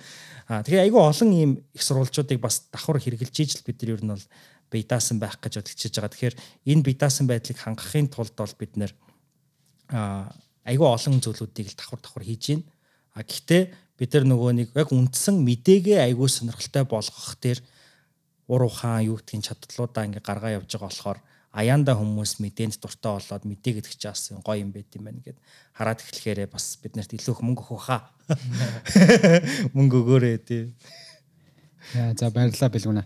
Яг бизнес модель талаас нь бас 2 3 тайлбарууд өгөөд нөх хүмүүст бас нэг тодорхой хэмжээний ойлголт өгч байгаа болохоор эргээд оргил руу найзны асуултаа чиглүүлэе гэж бодож байна. За Монгол сайхан амьдрах боломж ер нь хэр байна вэ? Одоо сүүлийн үед манай монголчууд гадагшаа явах хүсэл сонирхол улам эрчтэй болж юм.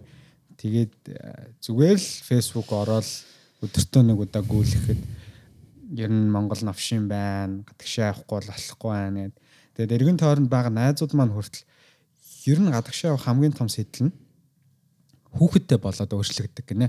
Надад манай нэг найз сая явахтаа ингээд э, найзуудаа цуглуулад э, яриа хийж байгаа. Тэгээд би бол өмнө ингээд бас Монголын бас нэлээд топ компанид ажилладаг хүн штэ. Орлого бол боломжийн Монгол яг тэр салингаа аваад Монголдо болоод бас санхүүгийн хувьд юугаач дутхгүй амьдраад иж болохоор хүн.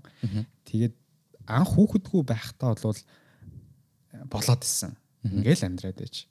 Тэгээ хүүхэд гараад ирсэн чинь маш их стресстэйж эхэлсэн гинэ. Тэгээ хүүхэд гараад эхлэхээр хүний бодол амар өөрчлөгдөв юм байлээ. Жишээ нь хүүхдээ цэцэрлэгтээ өгнө, хаана өхөө гэдэг асуудал. Зүгээр л хүүхдээ ингээл годомжоор хөтлөө явахад сигналын дуу, замын хөдөлгөөн, за өвөл, өвлийн тэр утааны 3-аас 4 сар асуудал болдог. Одоо үер. Тий, хүүхэд байнгын ханааднаас салтгүйгээ. Тэгээд одоо сая гэр бүлийн аваад Австрали явлаа л та. Тэгэхээр одоо бид нар бол хүүхэдгүй хүмүүс байгаа тий. Тийм шүү дээ. Тэгэхээр одоо яг энэ байр сууриас чи ингээд хараад үзвэл Монголд үнэхээр боломжийн орлого олоод амьдрах боломж юу байна? Сүүлийн үед хүмүүс дэлхий рүү л гарыг, тэгээ дэлхий рүү сурыг. Тэгэл дэлхийд очиж ажиллая. Хүний хөдөлмөрийг боддоор нь шударгаа нь үнэлдэг газар нь очиж ажиллая гэдэг тийм хүмүүс ч угаас бухимдалтай байгаа юм чи аргачихгүй байх л та тэгж ингэж яах нь. Гэтэ хэдүүлээ яг бодит залуучууд шүү дээ. Бид нар болохоор нөх амар манай аав ээжүүд бизнес эрхэлдэг баян хүмүүс биш Зүгээр л энгийн төрийн байгууллага, үйлчлэгээний байгууллагт ингээл ажиллаж байгаа хүмүүсийн л үр хөвгөт байгаа. Тэгэл улсын сургуульдаа сураад ингээд боловсрол эзэмшээд нийгэмд ирээд ажиллаж байгаа учраас бид нар бол харьцангуй юмыг бас боломжийн эхлэх өстой төвчнээс эхлэл явж байгаа залуучууд байх. Давуу тал байхгүй гэсэн үг шүү дээ. Ээжийн бизнес дээр, аавынхаа бизнес дээр ирээд бид нар ажиллаад яваагүй. Тэр яг нийгэм шууд ирэл бодит нөхцөл байдалтай тулсан шүү дээ. Бид нар ажил хайгаал. Тэгэл эхний ажил олгогч нартай бол бид нар үргэлж баярлж явдаг. Тэгэл хин ямар ч ажлын туршлагагүй хүнийг ингээд сонгоод ажиллаад итгэл маш итгэл өгч байгаа юм. Тэр бүх чи түүхээ нэг сайхан эргэж хараад Монголд амьдрах боломж залуу үер Монголд амьдрах тийм боломжгүй болцсон юм уу гэж асуумаар найз. Боломжтой хүмүүст нь боломжтой. Боломжгүй хүмүүст нь маш боломжгүй. Аа түрүүний ер нь миний хэлжсэн brain drain гэдэг тархины хамаг чадвартай ч юм уу хамаг потенциалтай Монголдоо хувь нэмэр оруулж байгаа хүмүүс ялчгүй яваад байгаа байхгүй. Тэр нь маш гонхтой. Гэтэ тэр хүмүүсийг бидээс буурдах чадахгүй. Их их хөрнөө орхиод байна гэдэг ч юм. Ягаад тэгэхээр үнэхээр хэцүү байгаа болоо л явж байгаа шүү дээ. Яг үнэндээ. Үнэхээр бас хэцүү хүмүүстэй бол амар хэцүү. Гоё хүмүүстэй монгол шиг сайхан орон байхгүй. Тэ байртай, машинтай бүх юм бэлэн. Тэр харин юугаараа ялгаа байгаа. Ерөөсөө л хөрөнгөний л одоо баялагын л тэгш бус байдал Монголд маш их болцсон. Баян хүмүүс нь Монголд Монголын 1% баян хүмүүс ямар амар баян гэдгийг би бол харсан амар амар хамгийн ядуу хүмүүс ямар амар ядуу амьдарч байгааг би бол бас харсан. Дунд нь бас ямар хүмүүс менежер гарууд бас яаж амьдарч байгааг би бас мэднэ тий. Гурлаа дундаж давхрахтаа орох уу? За дундажлах. Чинэлэг. Чинэлэг басгаа л хичээж байгаа. Хичээж байханда. Тийм. Тэгэхээр яг яг ямар нөхцөл байдалтай байна гэдэг хамаарч тий. Одоо ингээл үгдэг чинь байртай тий. Тэгээл нэг гой машин ундаг. Тэгээл үүл болохоор Бангкок явцдаг Тайланд явцдаг, Пукет явцдаг, эсвэл Лили явцдаг. Сайн явцдаг. Тэ? Тийм хүмүүс бол монгол шиг сайхан орн 190 гоё одоо шоуд сүүлд нь Канта гэдэг газар байгуулагдсан кино. Тишгээ ороод 50 мянгаар когтод байна тий. Чи орж үзээгүй Би орж үзээгүй. Үнэ арай орох. Тэгээ таар таах юм аа. Тэгээд би ч ажилладаг штэ одоо. Тэгээд тэгсэн чинь амар гоё. Тэр хүмүүст бол амар гоё. Тэгээ Instagram дээр гоё гоё story. Чамд тэгээ ямар аа? Чи яг дундлынх нь гоё асуулт. Дундлынх нь заах мөнгөтэй хүмүүс. Надад бол энэ ихтэй мөнгөтэй хүмүүс өгш хаанч амьдсан гоё шүү дээ. Одоо Америкч гэсэн юм баггүй Монголдоо ч биш. Америкт бол бас мөнгөгүй байх юм бол амар муухай. Англи ч гэсэн тийм юм лээ. Сонголттой л ахын асуудал. Яа хамгийн тэр чинь ингээд privilege сонголттой болчихгүй. А тэр хүмүүс одоо мөнгөгүй боломжгүй хүмүүс чинь ямар сонголт их боломжгүй болцохоор зүгээр л өдрийн хоолой яах вэ? Энийг яах вэ? Ерөөсөө өөр өөрийг бодох тэг цаг зав болтохгүй. Би бол англи дахта тийм маш их privilege юм дэрсэн. Ягаад тэгэхээр ингээд одоо стипенд авдаг. Тэрнгээрээ байр өгчдөг, хоолн бэлэн, гадаагаар парк дээр суугаад кофе уучдаг. Аа тэгэл алхацдаг. Өдөртөө би баг хамгийн дот 15 мянга алхдаг байсан. Хотын төвд. Тийм тийм. Одоо ингээ ярих юм тэгээд тэнгууд ингээ амар болчих байна. Тэгээд тэгжсэн чинь чамаас хэлээд шүү. Чи одоо мөнгөтэй хүмүүсийг мартаа заяа. Тэнгүүтээ чи сонголтын асуудал гэж ярьлаа шүү дээ хэдүүлээ. Боломжийн асуудал чи сонголтын асуудал. Тэнгүүд чи болохоор мөнгөтэй айлын хүүхэд биш шүү дээ. Тэнгүүд чи тэр сонголтыг ширээ би би болгосон мэт Тийм. Тэгвэл тэр зүйлийг яаж бий болгох юм бэ? Надад Яаж тэгснээр энгийн одоо бид нар энгийн айлын хүмүүс яаж цаахан амьдарч болох юм бэ? Тэрийг л хэлээд өгөөч. Надад байхгүй найз. би бол ингэж бодсон. Надад бол бас тодорхой хэмжээний сонголт юу болгосон бэ гэхээр миний боловсрол надад би болгосон. Yes. За нэг Наач нэгдүгээр шүү дээ. А тэгээ миний хүрээл бас би болгосон. Та хоёртай ч юм уу танилтаа ч юм уу эсвэл өөр гой надтай болоод Тийм ээ. надад одоо миний миний за тийм юм гой боломж тэрнтэй болоод үдээж. Энтэй ингээд үдээж. Хоёлаа ийм хамт хий. Амар гой боломжууд гарч ирдэг. Аа бас гэр бүлийн дэмжлэг бас байна те. Одоо манай ээж намайг багасаа л миний хүү хичээлээ хийгээл явжээ. Өөрийнхөө амийг хийгээ явжээ гэдэг 100% одоо сонголт их боломжийг олгодог гэсэн. Тэггүй ингээл чи тэрийг хийний хийгээдсэн бол бас хэцүү. Аа тэгэхээр маш олон зүйлийн хүчин зүйлүүд л байгаа. Аа тэгэхээр миний хувьд бол комплейн хийгээд ах юм байхгүй. Ягаад тэгэхээр би түрүүний хэлсэн шиг одоо 26 настай эрүүл хамгийн гол нь маш эрүүл байна. Янз бүрийн хүчин алга, өглөө сайхан сүн унтчихэж, өглөө эрүүл босчихж, сингл байна. Тийм сингл болцсон. Аа. Тэгээд Йоо. Ирүүл сингл гинэ. зүрх жоох сахтай. Йоо. Тэгээд тэгээд тий. За чи бол баяртай байгаа юм байна. Тий, тийм болохоор- сэтгэл амьдралдаа сэтгэл хангалуун байгаа. Маш хангалуун байгаа. Тийм болохоор ирээдүйн боломжууд харагдаад байгаа болохоор бол гоё. Зарим хүмүүс бол харагдахгүй хүмүүс зүцдэг байж магадгүй ч тий. Би тэр хүмүүсийн зовлон яг тэр хүний амьдралаар амьдарч үздэг болохоор мэдэхгүй. А гэхдээ миний хувьд бол тачгүй сайхан болоод байна л гэж. Yes. За найз нь энэ дээр ч үргэлжлүүлээд ийм асуулт асуухгүй л чамайг ухаадсан байхгүй. Тэр нь юу вэ гэхээр одоо залуучууд ийм юм ярьж байна. Аха. Нэг хэсэг нь хүн хөдөлмөрлөх хэвээр та нар ядуу байгаа бол та нарын буруу. Нийгэмд бол хувь хүнээс л 100% хамаардаг. Чийл хичээх юм бол, чийл хөдөлмөрлөх юм бол Монгол сайхан амьдрах болно гэдэг тийм нэг үзэл баримтал байна заяа. Нэг хэсэг залуучууд. Тэр нь өөрөө ямар амьдралын түүхтэй байх нь хамаагүй. Тэгээд гэсэн өөрөө тэгж бодож исэн мүү байгаа ч дээ. байж тэрийг дараа нэрээ. Тэгж ярьж Одоо чинь. ерөн чи асуултанд хариулаа. Тэгж бодож чинь шүү дээ. Үнэхээр Монгол чударгаар ингээл хичээгээд хичээгээд хөдөлмөрлөөд гой амьдралыг босгоод сайхан амьдрах боломжтой юм уу? Тэрийг би асуух гэдэг байхгүй. Би бол боломжгүй гэж бодож байна.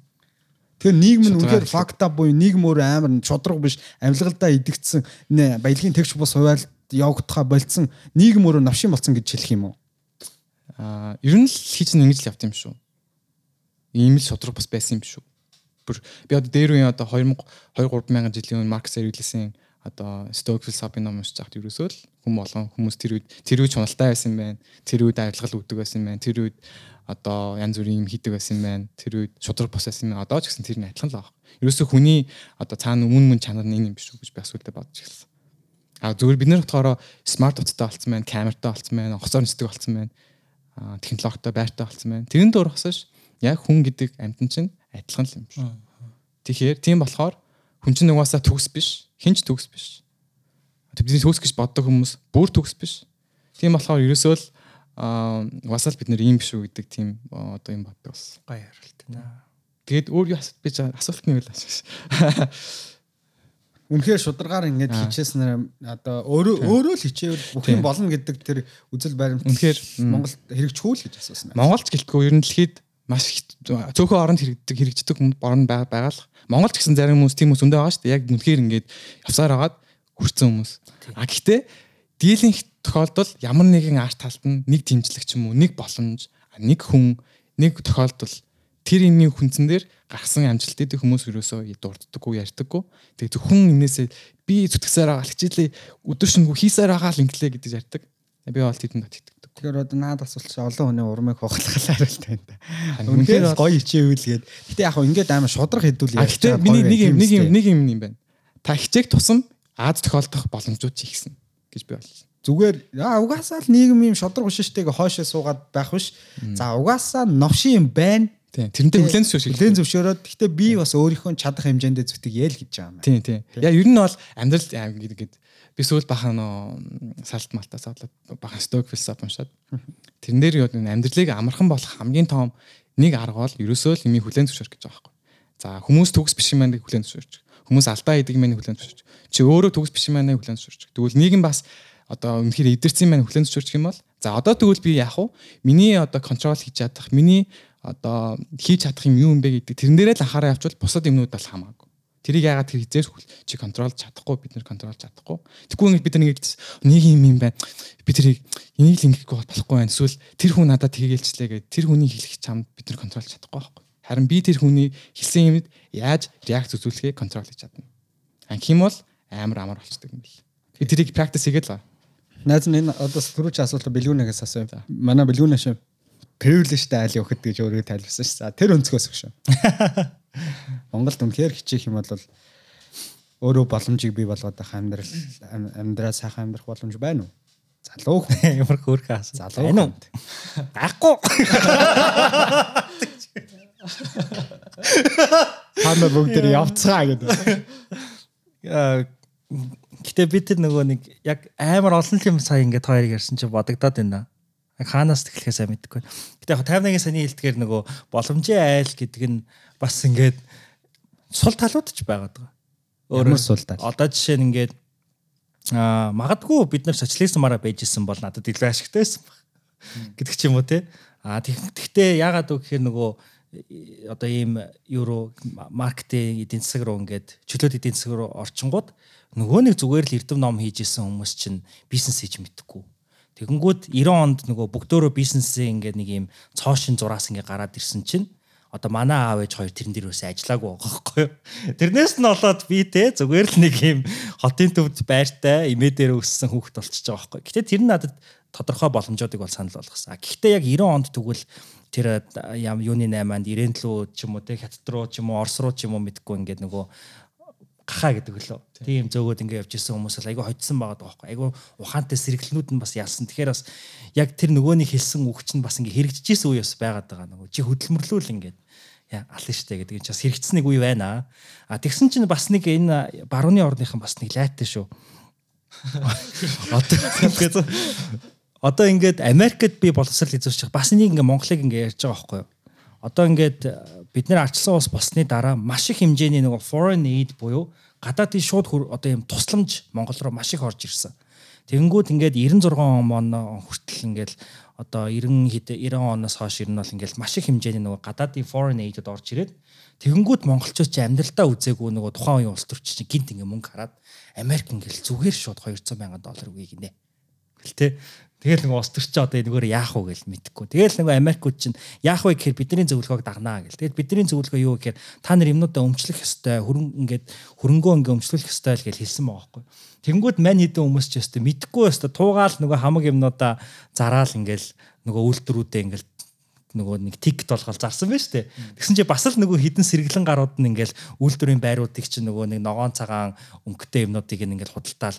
Тэгэл нөгөө хүмүүс чинь талахгүй, махгүй, гурилгүй хүмүүс чинь бүхэл бүтэн одоо нэг үйлдвэрийн барилгыг одоо нэг архиар л ингээл солиол авцсан юмнууд байгаад байгаа байхгүй. Тэгээ тэр үед Монголын яг wealth distribution-ыг хамгийн fuck up хийсэн гэж одоо манай хичээл дээр зааж өгч байгаа байхгүй юу. Тэгэхээр ингээд тухайн үед Монголд байсан хөрөнгийг ер нь бол нийт одоо Монголын хөрөнгийг нэг хүн амынх нь нэг хэдэн хувьд ч илээ 10% ч илүү 20% л ингээл ер нэг өгччтэй гэсэн юм. Мэдээлэлтэй байсан хэдэн хувьд өгсөн. Тэр хүмүүсүүд нь одоо ингээд шууд. Тийм. Тэгээ тэр үеэс хойш ерөөсөө ингээл Монголын одоо хамаг тухайн үед 90 он одоо 1920-ад оноос хойш 90 он хүртэл буюу нэг 70 жил коммунизм социализмын доор байхдаа хоримтлуулсан бүх нөгөө үйлдвэр мүлдэр юу гэдгийг те тэр гоё юмнуудыг чинь байр маяр объект бүх юм их чинь нэг жоохон мэдээлэлтэй ойрхон байсан эдэн гарууд авцсан. Тэгэл тэрнээс хойш ерөөсөө ингээл хідүүлээ нөгөө bottom Тэ уулных нь болоод өрцөө байгаа байхгүй хідүүлээ. Тэгэхээр бас нөгөө мэдээлэлээс хол байсныхаа лайгаар одоо бид эднэр бас нэг жоохон уулных болцсон. Тэгэхээр зэрэг одоо ингээ улных олцсон хойно гарууд ингээ та нар хөдөлмөрлөл та нар хувь үний өвчлөө ном унших гэдэг байгаа юм чинь Америкт ч нөгөө неолиберализм гэдэг байгаа шүү дээ тийм. Ерөнхийдөө бол ингээд төрөөс тогтолцооноос бүх асуудлыг авч хаянгуудаа хувь хүн дээр нь хаяад дээ. Тэнгүүд нөгөөд чи Америк мөрөөдөл. Тэгээ Америк мөрөөдөлд бүгдөө өрхийг хүсдэг мөртлөө Америкт бас яг Америкт хүртэл хүн хичээгээд хичээгээд ер нь бол маш Америкт би тэр яах мэдээд амар гайхчихсан. Америкт ингээд яг дансандаа 1000 1000 долларын хадгаламжтай хүн амар цөөхөн мэт юм бэл. Бүгд зээлт. Бүгд кредит картны зээлт. Тэр яг Америк мөрөөдөл мөн үү? Тэгээ одоо нөгөө залуучууд бус бүгд л гадаад явъя гэдээ яриад байгаа юм шиг олон улс одоо энэ ковидоос хойших улс орны эдийн засгтай холбоотой өсөглөн бүр гадны улс орнуудад бүр амар болж чинь хүмүүс бас орон гэргүй болж чинь ер нь бас тэнд очиод амьдрал сайхан болчих юм шиг үгүй байгаа байхгүй юу. Тэнд бүр манахаас долоондор Нэг л өдөр ажиллахгүй бол энгийн бодоход хоолгүй. Монголдоос ингээд өсөглөн гарсан гойг ш тэ. Бид нар бас яаж хийгээд ингээд тоо статистик мэдэхгүй болохоор би бол гайгүй гэж бодож байна заяа. Харцангуй монголчууд хамтаа цөөхөө цөөхөн болоод гэдэг. Тэгээ монголчууд харцангуй бас ингээд өдрийн хоолоо олоод юм ямар нэгэн байдлаар өлбөрч өгөхгүйгээр амьдраад чадаад байгаа. Аа гэхдээ гадны улс орнд гэсэн сүүлийн үед бас тоо статистик харах юм бол ажлын маш олон хүмүүс цомгтголд орж ийн, ажилгүй болж ийн. Сарын орлого нь эрс буурч ийн. Тэгэхээр бас энэ бид нар очиод тэнд бас эдийн засгийн нөхцөл байдлыг судалж ээж явахгүй бол Тийм шүү дээ. Монголд бас өшөө их авах юм байгаа юм шүү гэдэг өнцгөөс бас юмыг харах хэрэгтэй юм шиг байгаа тий. За дараагийн асуулт байж байгаа. За. Тэгвэл чиний асуусан асуултыг өөрөө ч асууж байгаа. Чи юу гэж бодож байгаа? Э, Би бол ингэж л бодчих. Би энийг өмнө нь огт ярьдаг байсан. Одоо ярьчих. Одоо хүмүүс ингээд би бас Монголдо бас топ компанид ажиллаж байгаа шүү дээ. Тэнгүүд хүмүүс одоо хараад аа таймна атаарх нэг нь атаарх нь зарим нэг нь болохоор намайг амар мундагтаа энд ирсэн гэдэг хоёр бид нэр хүнийг ингээд шошиглоо шууд харчдаг штэ. Энэ энэ тэр компанид ажилладаг тийм албан тушаалтай энэ сүрхий амтан баха гэж зөв шошголцдог заа намайг. Гэтэ би болохоор чам чиний хэлсэн тэр анхны саналт бол нэг байна. Хин нэгэн хүн миний арталт байсан тухайн моментод би азтай байсан тийм нэг хөшүүрэг байсан учраас би өнөөдөр энэ энэ э, альбом тушаалыг аваад өнөөдрийн таймнагийн амьдралын хэм маяг нь бүрдсэн байгаа. Хөшүүргийг болохоор боломжийг ашигласан. Тий. Хөшүүрэг байсан. Бусдад би одоо ингээд өмнө нь яг бэлгүүнээ тэгсэн чи тэгж боддог байсан гэдэг асууж шүү дээ. Би өмнө ингээл би амьдралыг тгээс эхлүүлсэн гэл яг энэ сонсогч нарыгаа гоё худлаа татахын тулд те би амьдралыг тгээс эхлүүлсэн би ингээл хөдөөнөөс отроо орж ирэл ингээл амар гоё юм ярих гал те Өмнө байгаас ойдлохоор. оо баарг л тийм ярих гэдэг шүү дээ те Үндэ бол үгүй байгаа хөөе. Одоо эргээд ингээ бодит үннээ сайхан ярих те. Тухайн үед би 2016 онд дөнгөж сургуулаа төгсөөл ажил алдахгүй ямар хэцүү байлаа те. Яа тэгэхээр би ингээ ямар ч туршлагагүй юм чинь. Тэгээ миний хамгийн анхны ажил 300 мянган цалинтай байсан шүү дээ. Тэгээ дэрийг хоёр хувааж авдаг. 150 мянга 150 мянган. Тэгээ би түрээсийн байранд амьдардаг байсан. Тийм шүү. Найзтайгаа. Тэмүүт тэр чи түрээстэй баг 150 идэлдэг ч үл ямар ч хямдхан байранд байсан одоо тэгэхээр тэгэл яаж болгоод байсан өлбөрч өгөхгүй болгоал идэг гэсэн байна. Гэтэ хамгийн гоё Тэгж явж байгаад найз нь яриагаад бас. Тэгж явж байгаад Monnis International гэдэг компанид би ажилд орсон байхгүй. Гэтэ тэр үе тэр компани би ямар ч ажлын туршлага их сургуулийн диплом л байгаа. Тэгээ намайг зүгээр тэр амбиц тэгээд энэ хүн хүүхэд нэг юм сурчий гэсэн бодол тэгэл тиймэрхүү зүйлүүдэд най- найдал намайг хамгийн анхны одоо топ ажил болгогч маань тэр байсан баг. Monnis International гэ. Би тэгээ барилгын инженер ажилд орж исэн байхгүй. Тэгээд тэр компани хэрвээ намайг аваагүй бол би ойтлоод орохгүй хаа. Өөрийгөө жоохон доош нь хийж байгаа юм биш. Яагаад гэвэл тэр компани миний ихний шатны гişгүүр болсон байхгүй. Яагаад гэвэл тэр компани оюутлогоо дээр тухайн үед төсөл хэрэгжүүлчихсэн. Тэнгүүт нь би очиод тэр оюутлогоо дээр ажиллаж байгаа хүмүүс ихэн дунд байгаа юм чинь яг бэлгүүнэгийн хэлсэн шиг мэдээллийн даваа тал болчихж байгаа. Аа дунд нь ороод ажиллаад эхлэхээр оюутлогоо руу тэгвэл би яаж орох вэ гэдэг мэдээлэлтэй ойрхон болчихж байгаа учраас би орч ицсэн байхгүй. Хоёрдугаар би тэр оюутлогын грейд компанид байсан учраас оюутлогоо намайг сонгохдоо нэг нь оюутлогын грейд компанид ажиллаж байгаагүй хүн ажиллаж байгаа хүн гингүүд ядаж аюулгүй ажиллагааны соёлыг би мэдчихсэн байгаа байхгүй. Тэгээ намайг илүү авахыг хүснэ үстэй. Яг энэ хүн чинь ажиллаж байгаа юм байна. Тэгээ намайг авсан байх магадлал өндөр байхгүй. Тэгэхээр тэр сонголтыг оюутлага хийгээд тухайд 70 хүн зүгээр монист ажилдаг байсан байж болох уу? Болно. 30% таймнагийн туршлага байсан байж болно. Ганцхан удаагийн ярилцлаган дээр би өөрийгөө харуулах боломжгүй шүү дээ. Тэгэхээр эн эн чинь боломж байсан уу? Байсан. Байсан байна. Аз байсан уу? Байсан байна. Тэгэхээр бид нар бас энийг бодит хүмүүст одоо манай залуучууд дүүнээс сонсож байгаа. Хэлэхгүй бол нэг л их хичээвэл чи гоё амьдрнаа гэж бас болохгүй шүү дээ. Тий. Бодит нөхцөл байдлыг хэлж энэ хүмүүс чи урам хугарахаар бол аа бас ийм байд юм байна гэдгийг ойлгох хэрэгтэй баха. Баярлалаа хариулт. Тийм. Биний төрөх юм хэлчихсэн мэхээр амар гой сонсогдож байгаа. Би болохоор тэгээ та хоёртой 2006 5 он танилцал ингээл явж байгаа. Тайнаад төрийн төрөөсийн байранд амьдрал те. Тэгэл одоо ингээл байр аваад хөдөлмөрөөрөө ингээл гой явж байгаа нахад амар баяртай байдаг. Тэгээ яг үнэн ингээл баг багаар яг хуу шууд ингээл одоо юу гэдэг чинь ингээл 0-оос 100 руу байчихгүй шүү дээ. Угаасаа тийм нэгдэж байхгүй. Лөөр хідүүлэн бол эсрэгээрээ баг багаар ингээл ахаал жил болго ахаал. Тэр нь хамгийн гой. Баяжих хэвээр юу? Ясгүй. Хамгийн гол нь ад жаргалтай, peaceful, тайван амьдрах хэрэгтэй. Бэлгүүнээ юм ярихчихсан сайн. За одоо ерөнхийдөө цаг болцсон уу битээр? Хэд болчихно? Яг цаг уу? Окей, ерөнхийдөө дуусах тал руугаа орцоо. Тэгэхээр ярианыхаа төгслийг яа ер нь оргилтойгоо дараа нь ч бас ингээд янз бүрийн зүгээр нэгтлваараа ч юм уу тусдаа контентуудаар илүү нөгөө э, сайт тэтгэлгээр Лондонд ингээд сураад ирсэн UCL их сургууль сурсан тэр туршлага мэдлэг тэр өөрийнх нь олж авсан зүйлүүдийг нэгтлваараа илүү хүргэе гэж бодож байна. Өнөөдөр бас битэр хангалттай цаг хугацаа байсангүй тийм учраас илүү нөгөө мэрэгжлийн олж эзэмшсэн академик боловсролынхаа талаар яриулж чадсан өөчлөөрэ.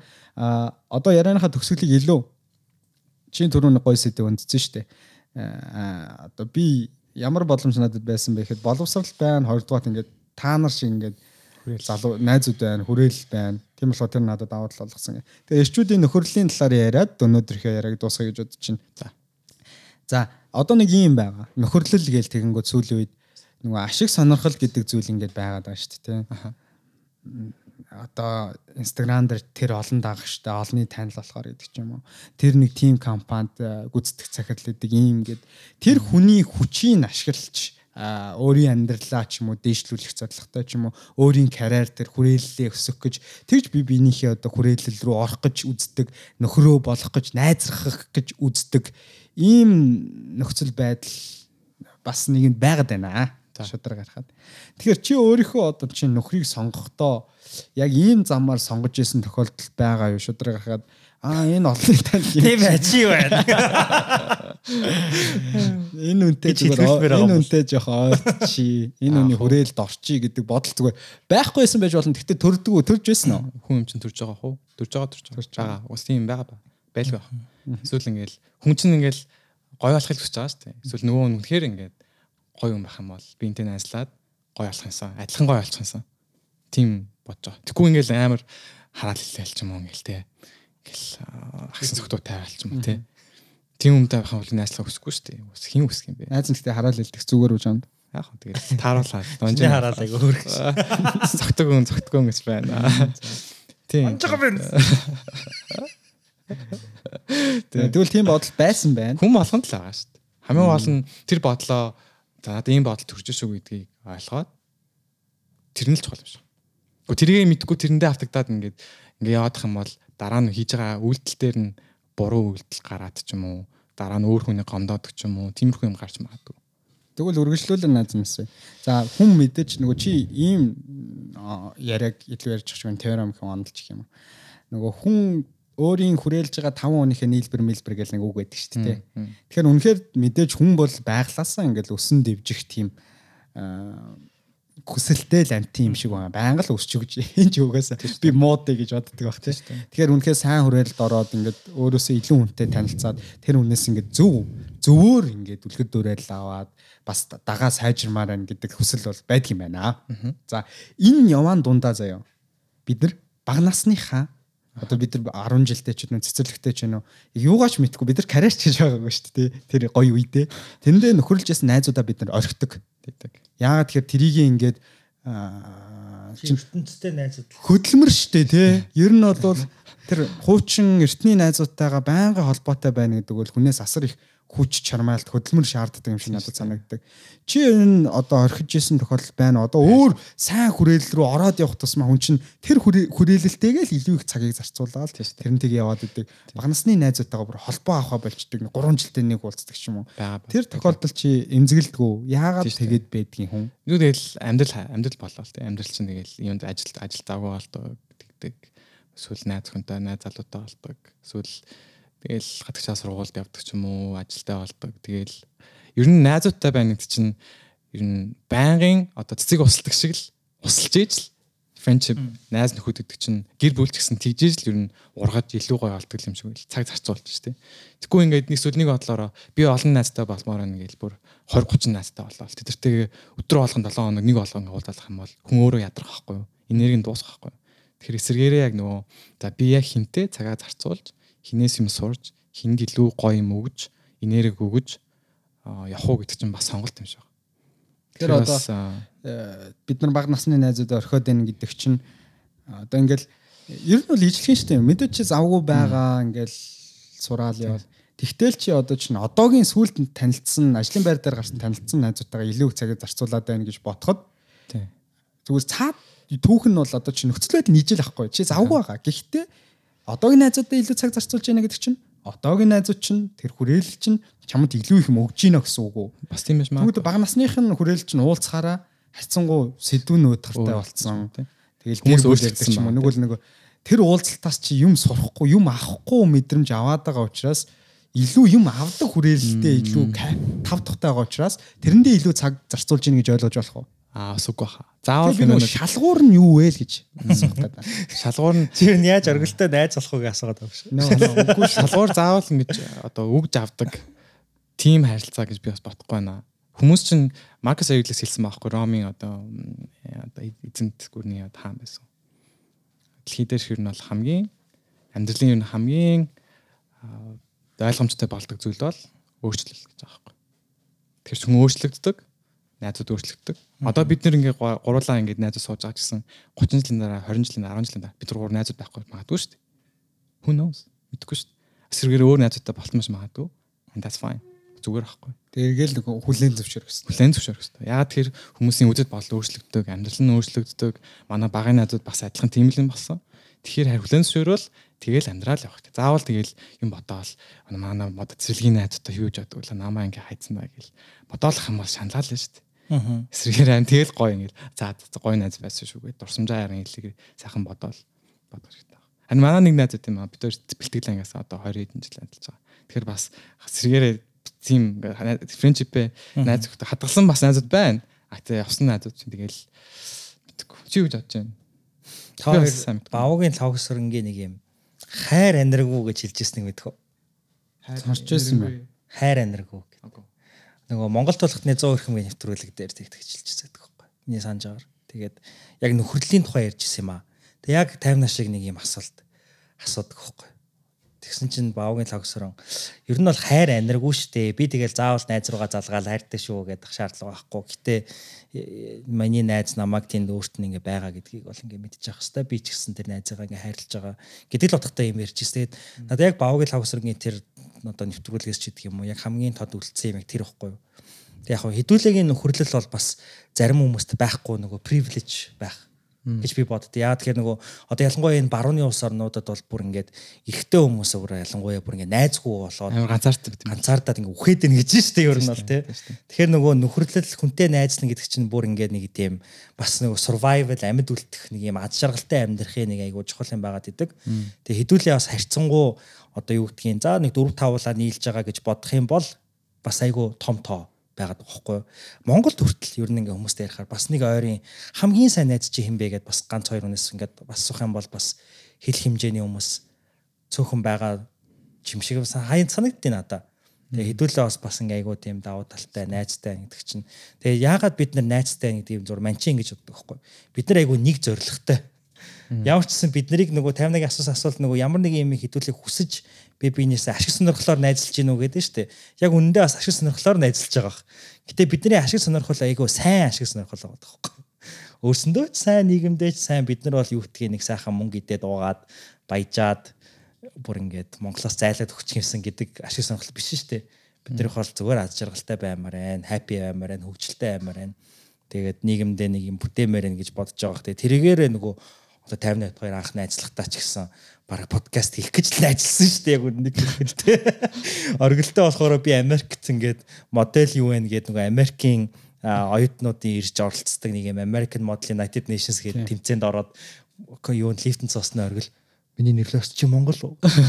Тэгэл оргилт хоёр окей нэг олон улс харилцаагаар хийн сурд юм байна те. Тэгэхээр сонсогч нараа энэ скетэн подкаст хийхэ болвол бэлгүүнээ наттай найзлах болно гэсэн үг байна. Тийм учраас би өнөөдрийг хүртэл энэ 7 жил хийсээрээ л Яа, яа, яа. байна. Бэлгүүнээ бэлгүүнээтэй нөхөрлөө авч ирэх юм яа. За дондор нь гэс хэлээд авчиж. За үргэлжлүүлээрэй. Тэг тэгэл ер нь болоо дөө тэгэл заавал гэхдээ би ингэж боддог нөгөө моногами полигами гэдэг өглөө. Тийм. Нэг хүнтэй, олон хүнтэй. Тэ яг хөө ингээд тэрийг би зөвхөн сүлд нэг ийм тайлбар яг нөгөө хайрын сэтгэл зүйчийн нэг ийм эксперт яриа сонссон аахгүй. Тэ тэр хүн юу ялсан бэ гэхээр ингээд одоо партнер чинь хайртай хүн чинь ингээд магадгүй чамтай хамт ингээд ууланд гарах дурггүй.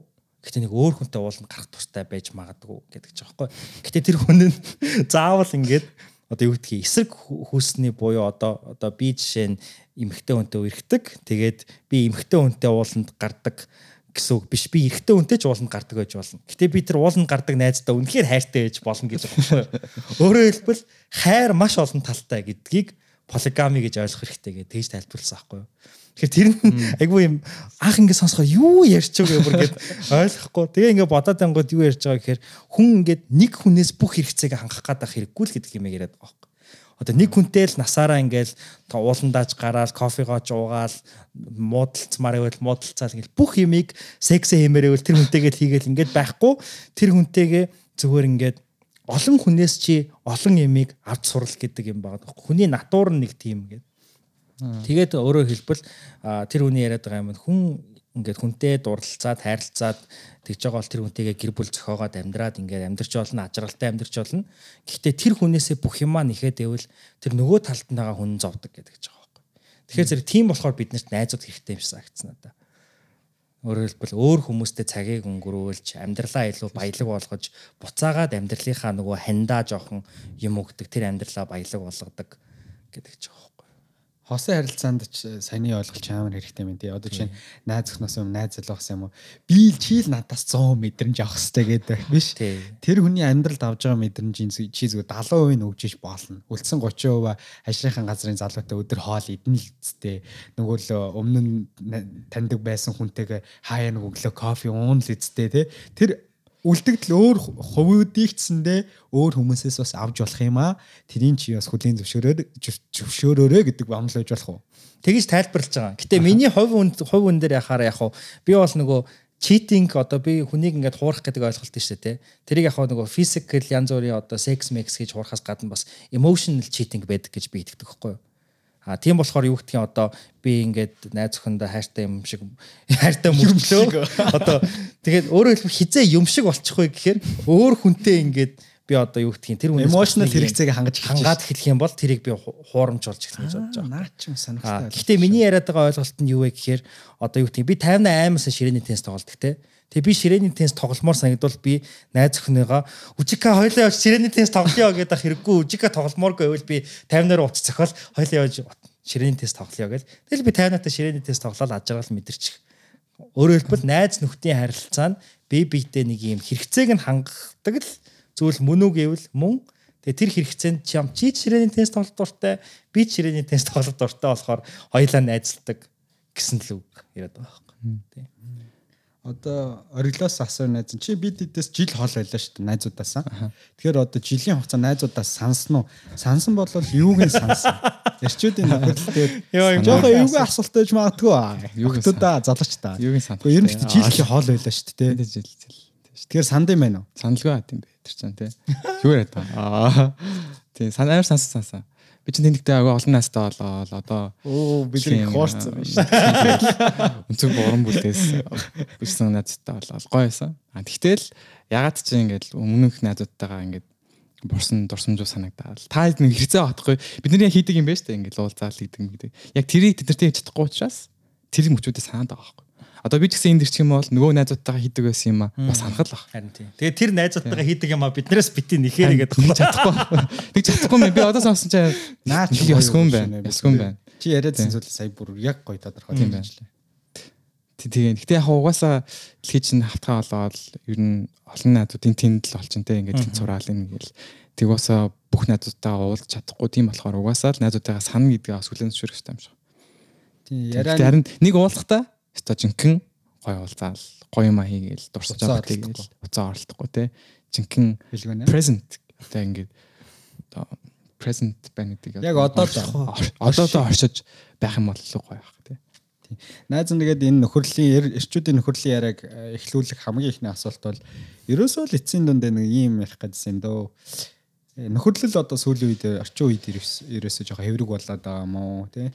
Тийм учраас нөгөө бид нар магадгүй их кино үзэд ч юм уу нөгөө ааваараа ч юм аавын нөхөрлөл ч юм уу тэгэл тиймэрхүү нөхөрлөлүүдийг харж өссөн болохоор юм уу тэр нэг аавын тэр найзууд нөхөл ингээл аав нэг түүх мүхээ аав нь цэрэгтэй байхад энэ тэр гоё түүхнүүд түүгээд ярьж ш.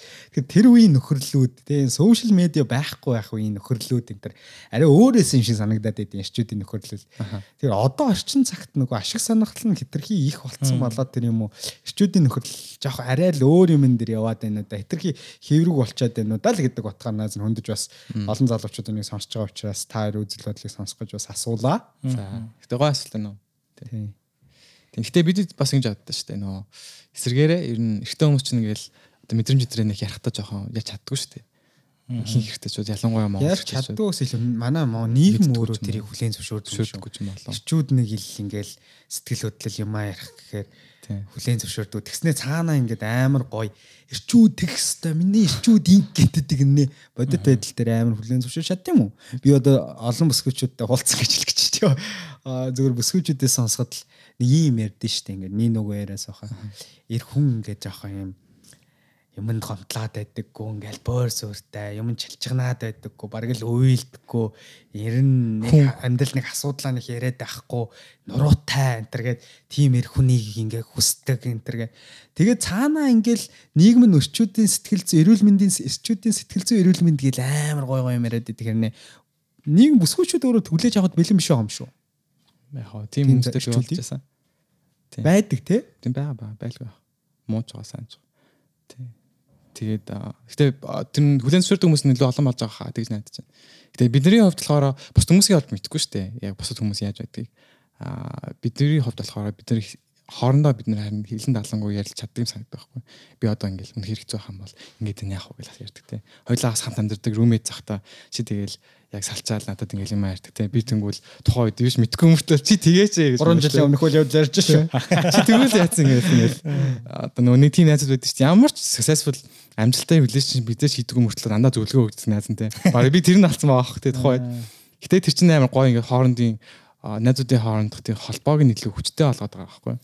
Тэгэхээр бид нэр тэрэндээ бас амар баярлдаг. Тэгэхгүй ингээл нэг уулзаал нэг пив уугаал тий. Аа хамтарч юм хийх үү гээл ингээл нэг тийм гоё л да. Тэгтээ ингээл нэг тийм тийм завчаад шүү дээ. Янааны тэгж хэлсэн. Надад ууралсан. Яг чиний над үг дээр би уулзаараа нөгөө хувцас антер арилждаг байхгүй юу. Тэгээ тэр талтаа нөгөө нилээн мэрэгжилтэн. Брокер залуу. Тэгээ нэг удаа би ингээл холбоо яриад за сүүлийн үед миний найз ямар хувьцаануудыг төрөнг оруулж ийн ингээд гэсэн чи нэг удаа асууж байгаа, хоёр асууж байгаа. Тэгээ гурав дахь асууж шууд уралсан надад. Чи над руу ингээд холбогдохгүй байж яаж байгаа л гин толгодох болохоор л Яаж мөнгө хийж яаж мөнгө хийж найз нь мөнгө хиймээр энэ гэж ярьсан. Шиглүүлсэн мэт юм. Чи ямар муухай. Надад бол сүүлийн үед амар муухай санагч найзаа гэж шууд. Тэгээ шудраг шүү дээ. Тэгж байгаа. Тэгээ тэрнээс хойш би амар ингээ найзтайгаа болгоомжтой. Тэрнээс хойш ярьцгаа хэлсэн гэж. Болгоомжтой бит хоёр ингээ Нэрэл би амар үгүй би тэр үнийг тэр талаасаа найзлах. Миний найз гайгүй юу? Ашиг сонирхол яаж мөнгө хийж. Ашиг сонирхол байгаа байж болно. Гэхдээ үгүй юм байна. Бас энэ хүндээ бас сэтгэл зүйн хэрэгцээг сонсох хэрэгтэй байна. Найзтайгаа нэг хоол идэ зүгээр амьдралаа яриа сууж бол заавал ягаад чиний хэлж байгаа шиг ажил хиймээр хоёлаа яаш нийж мөнгө авах биш те. Зандаа зүгээр гэр бүлийн юу болж юм сан сайхан яваа. Миний найз сэтгэл зүйн байна гэж ярих хэрэгтэй байлээ шүү залгасаа. Тэр 100% санал. Ер нь ярихгүй шүү дээ. Ярих амар гоё юм бэл. Дараа гуруулаа ярьчаад Антошко завн гарах юм бол эрэгтэйчүүдийн сэтгэл зүйн эрүүл мэнд гэсэн сүүлийн үед бас нэлээд яриад янз бүрийн кампайнууд яваад цаг зав харж байгаа нэг зөвхөн эрэгтэйчүүдийн сэтгэл зүйн гэдэг сэдвээр нэг подкаст их үү. Өнөөдөр бол зүгээр эхлэлийн 50-д орхичих. Тэг. Дараа нь нэг тухтай хэдүүлээ яриа. Эдэрхий бас ингээл өнөөдөр ярьчвал олон юм олчих гээд нэ улс төрөөс эхлээд боловсрлоос эхлээд улс төр яриад тэгээд ярьчих. Ямар олон юм ярьдаг. Гараад гэж боддог юм шүү дээ. За за за хэдүүлийн өнөөдрийн подкастыг дуусгая бараг цаг 20 минут ярьчлаа. Аа та хоёрын зүгээс нэмэх зүйлүүд байвал тэгээд подкастын сүүлээс та хоёрт үл тэгээд тэгээд бэлгүүнийг энүүдийг дуурай дуусгаасаа гэж хүсэж байна. За за тэгвэл чи яар. Тийм. Надад нэмэх юм аа. Зүгээр яг Монголдо ирсэндээ амар баяртай. Яг хоо англи амар хөгжсөн маш их гоё парктай санагд байдаг. Тэгээ би гараал ингээл парк зуугаал, кофе уугаал, хэрэм хараал, хүн амтны цэцгэлж хараал. Амар гоё ингэ. Тэр яг стресс тайлтай юм лээ. Би тэгээ юу гэж бодсон бэ гэхээр манай Улаанбаатар хотод илүү олон гоё паркууд байдаг байсан бол гоё юм аа гэж амар хатаархсан. Тэгээ манай Rio Tinto ч гэсэн санаачлал гаргаад ингээд паркийг сайжруулж байгаа нь амар гоё санагцсан. Тэгээд олон одоо зөвхөн нөгөө реклам яваад байна. Компаниуд гэлтгүй бас төр зэцэг маань ч гэсэн паркуудыг гоё хийдэг байгаасаа зүгээр нэг хачин усан ориглоор хийдэггүй те. А бас эсэргээрээ хүн иргэд маань ч гэсэн бас нэг бага байд орчноо бас гоё аваад явтыг санаачлал бас гаргадаг бол гоё юм болов уу гэж амар бодож байсан. Хувийн тийм болохоор бас жоохон уриал гаргаад ер нь ч нөгөө ногоон байгууламж гэдэг чинь хүн амны сэтгэл зүйн ялангуяа хотод хотын орчинд амар их нөлөөлдөг юм байлээ. Тийм тэгээ Монголд орсондоо маш их баяртай. Тэгэхээр цаашаа илүү олон гой гой юмнуудыг ирснийхаа хүрх нададаа хиймээр байна. Тийм байна. Чаакс Монголдо ирсэнд бит хоёр баяртай байна. Балтко бас баяртай байгаа. Балтко бити уйлаад л та ирэх уйлдаггүй. Ялж алнаа. Юм Тэ Чаакс ирсэнд айгаа баяртай. Тэгээд юу хэвшиг санагдал юм. Найз шууд ингийн асууж тэгээ чи яриагаа дуусгачихгүй. За. Одоо сүүлийн үед бэлгүүний ага подкаст хөтлөх байгаа юм бэ гэх хүмүүс угаас асуухгүй байгаа л да. Гэтэ найз бас асууч. Тэгэхээр тэрэн дээр нэг шин тайлбар өгч. Тэгэхгүй хүмүүс бас бэлгүүний хийхэ болцсон юм уу яатсан ингээд өөр бас ямар ямар чухал зүйлүүд байгаа тэрэн дээр тавчих мэдээлэл өгөө. За за наач айгу гоё асуулт. А ер нь бол тэгээ оргилдоо Монголд ирсэнд баярлаа. Тэгээ би бас илүү олон энэ подкастыг айгүйх гадаад байгаа хүмүүс сонсдоо шүү дээ сэхэтник. Тийм болохоор гадаадд байгаа монголчууд манас Монголдоо ирээсэ. Энэ жил айгүйх гоё жуулчд Монголд ирээд Монголын гоё нэг ярьж чинь. Хэдүүлээс өөрсдийнхөө Монголынхаа гоо үзэсгэлэн жоохон харахаа болцсон байж магадгүй юм сагц. Тэгээ сая нөгөө NASA мэд гээд айгүй олон гадаадын контент креаторууд Монголд ирлээ шүү дээ. Тэр хүмүүсийг ихэд ч гэсэн ингээд харьцаад ингээ харангууд тэр хүмүүс нөгөө бидний харахгүй байгаа юмыг бид нар өөрсдөө ингээ тасчихж байгаа байхгүй. Тэгээ одоо чи ч гэсэн утахгүй тасна. Би ч гэсэн Америкаас ирээд 2 жил болж ингээ зарим зүйлээ тасаал ингээл харахаа болчдөг. Тэгэхээр нөгөө нэг бидэрт байнга л шин нөгөө үнцэг, шин перспектив, шин юм хэрэгтэй. Тийм болохоор гадаадынхны ч Монголд жуулчлаасаа олноороо бас гадаадд байгаа монголчууд маань ч гэсэн ирээсэ гэж ч урайлмаар байна. Тэгээ Монголд нөгөө альва зүйлийг ихэд дандаа анхдагч болчихдаг. Тэрнтэй адилхан Skeleton podcast бас Монголын хамгийн анхны бас нэг юм ярилцлагын подкастуудын анхдагч. Тэгээ бид нар яг эдгээр өдрүүдэд 4 сая таталттай буюу яг аудио подкастаараа 4 сая таталттай болж байгаа. Тэгээд тэр бол том амжилт ах. Бид нар ямар ч хэсэн 17 оны 11 сарын 29-ноос хойш илүүтэй ингээд подкаст хийж байгаа. Тэгээд энэ хугацаанд бол зөндөөл тасарлаа тий. Бид хоёр бол айгаа хоорондоо хол байлаа. Тэгээд гэдэд бид тасарцсан ч гэсэндээ энэ тасарцсан хугацаанд өөр өөр юмнуудаа хийж байгаа л оргил орж ирээл хэдүүлээ нягтлав гээл подкаст хийж илаа тий. Нягтлав подкастер одоо камерны ард байгаа болтгоо хүрт туслаад явж илаа. Тэгэл одоо нягтлаг подкаст магадгүй явсаар агаад энэ үннүү гэдэг юмны бас нэг эхлэл болсон шүү дээ. Нэг тулгын чулуу. Нягтлаг гэж ирнэ. Тэгэхээр зэрэг ингээд бид нар нөгөө тайлбарлах сэтгүүл зөө одоо оргил бол надаа ингээд би Johnny Harris-ыг үзэх дуртай гээл те. Тэгэл би Johnny Harris-ыг үзэж эхлээл тэгэл Johnny Harris хийх гэдэг амиг ойлгоол Vox-ыг бүр улам дурлж үзээл. Тэгэл одоо бол манай үннүүгийнхэн бол Монголд Vox-ыг хийх гээл явж чинь те. Аа тэгэхээр бол миний хувьд бол нөгөө үннүүрүүгээ яг үндэ амар их цаг хугацаа оруулж байгаа. Гэхдээ бас одоо болтго бит хоёр бас үннүүгийн баг хамт олонтой нийлээд бас энэ подкастны ардас байдаг байгаа шүү. Тэгээ юу ч хийхгүй ингээ яваад байгаа бол биш. Тэгэл бид бөөнөрөө багаараа ингээл ажиллаад ингээл явж гин. Яг үнэндээ миний хувьд бол бас жоохон камерны өмнө гарах дургу болсон байж магадгүй. Тий. Тэгээд яагаад тэгэхээр медиад ажиллаад эхлэхээр бүх юм айгу контролдож сурдаг айгүйх юм үгээ хүртэл цэгцтэй жилчих юмсан англи үг хэлэхгүй явчих юмсан гэд. Тэгээ нөгөө ийм подкаст long format контентын дээр оронгууд хамаг контролоо алдчихдаг юм шиг мэдрэмж төрдөг болцсон бэлээ. А нягт одоо юу гэдэг өннүүдээр орж байгаа бүх видео контентуудын дор хаяал үг болгоныг бид нэр скриптээр бичиж байгаа. Бичээд дуусныхаа дараа маш том пост production руу ороод асуултууд хийгээл редакторлал fact check хийгээл амар их нүдэ шалгаж байгаа шүү дээ. Тэнгүүд ийм подкастн дээр бол би яг үннээ хэлгээд ингээд айгүй их юм контрол алдсан мэдрэмж төрдөг болсон бэл тий. Яа тэгэхээр одоо бол энийг болтгоо юм хасахгүй оруулна шүү дээ. Яг тэрний тэрний юу тэр нь өөрөө подкаст гэдэг нөгөө медиумын хувьд амар гоё юм л та. Тэгээд Joe Rogan подкастыг бид нар яагаад сонсох дуртай гэдэг гэхээр 3 4 цаг тасралтгүй өөрийнхөөрөө л шааж штэ мэн бол тий. Тэгэхээр зэрэг тийм өөрийнхөөрөө байгаа юм бидэрт амар дуртай. Гэтэ бас яг одоогоор бид нэгэнт өөрийнхөөрөө байдаг платформыг үүсгэсэн цаашдаа болон том болно. Одоо би бас өөрөө хийхийг хүсэж байгаа зүйл нь Монголд үнэхээр мэдээ мэдээллийг айгүй залуучуудад гоё болохгүй бол дараагийн сонгуул бид нэр түүхэндээ болоогүй маш чухал сонгуул болох гэж байна. 126 гишүүн сонгох гэж байна. Тогтолцооны хувьд маш өөрчлөлттэй 60%-ыг нь нөгөө юугаар юугаар юугаар гэдгэлээ. Тойргоор. Тойргоор 40%-ыг нь чагсаалтаар сонгох гэдэг байгаа шүү дээ. Тэгэхээр чи чинь нөгөө Шин Зеландын үндсэн хуультай айгу зүүрлээд байгаа. Чагсаалтаар тий. Тий. Тэгэхээр нөгөө энэ нь юу хэлж байна гэхээр одоо 18 нас хүрж байгаа нөгөө virgin гэд хоёлогч дээр гэсэн те. Virgin сонгогчд ингээ ирнэ штэ. Тэгээ бид нар ингээд насаараа хүүхдээ хасаа ингээ том болж байхдаа муусайн 76 гэж сонгож исэн бол одоо бол ингээ анх удаага бид нар цоошин юм сонгох гэж үзэж чинь. Тийм болохоор 18-аас 24 30 эдэн насны залуучууд Монгол хүн хүн амын 65 65%-ыг бүрдүүлж байгаа. Тэгээ энэ 18-аас 35 насныхан гараад сонгуулаа өгчих юм бол а биш 35-аас доош насныхан 65% шүү. Гэтэ эдгээр ингээ гараад сонгуулаа өгчих юм бол бид нар ямар нийгмийг бүтээхийг бол мэдэхгүй. Магадгүй бид нар фейлдч магадгүй те. Тэгтээ бас бид нар онцч магадгүй те. Гол нь хийж иж мэдэх байхгүй. Нэг юм хайлт нэмчихэд би яг ирээд анзаарсан зүйл нь юу гэхээр Улаанбаатар хот ямар олон хүүхдүүд нэм гэж анзаарсан. Монголдан 18-аас 25 насны залуучууд галах байгаа байхгүй. Дэлхийн хаач баг тийм би харж байгаагүй.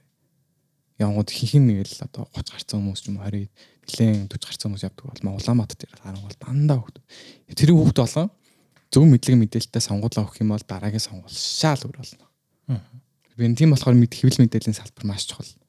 Тийм. Гэтэ скетний өч гэсэн үргээг биелүүд явчихтай. Одоо өнөөдөр гурлаа ингээл ярилцаад улс төр ярьж гин. Скетэн дээр ч гэсэн би илүү олон юм үзэл санаатай хүмүүс орж иж ярилцаасаа гэж аягүй хүсэж байгаа. Одоо юу гэдгийг баруун төвийн гэж байгаа бол ороод ир хүн намынхаа ороод ир арчилсан намынхаа ороод ирээсээ либертар намын амраахаас асуугаал үзээ те.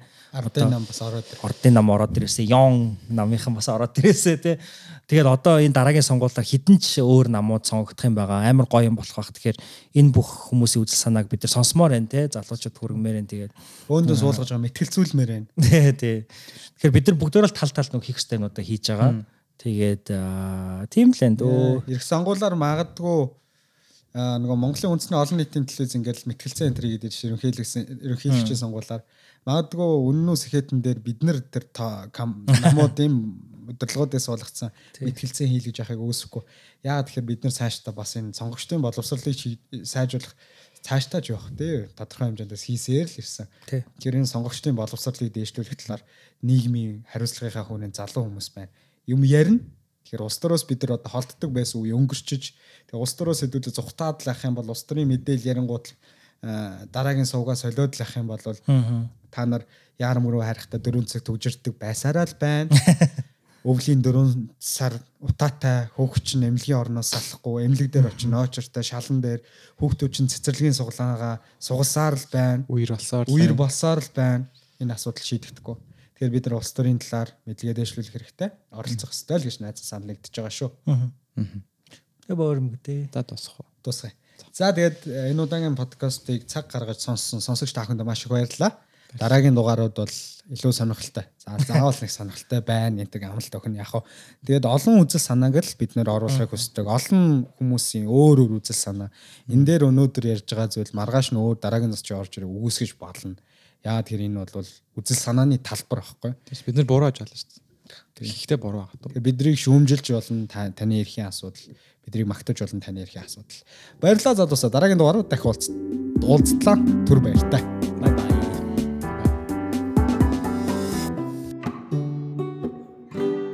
За тэгээ энэ хүртэл энэ удаагийн дугаарыг сонссон, дуустал цаг цаг гаргаж сонссон сонсогч та бүхэндээ маш их баярлалаа.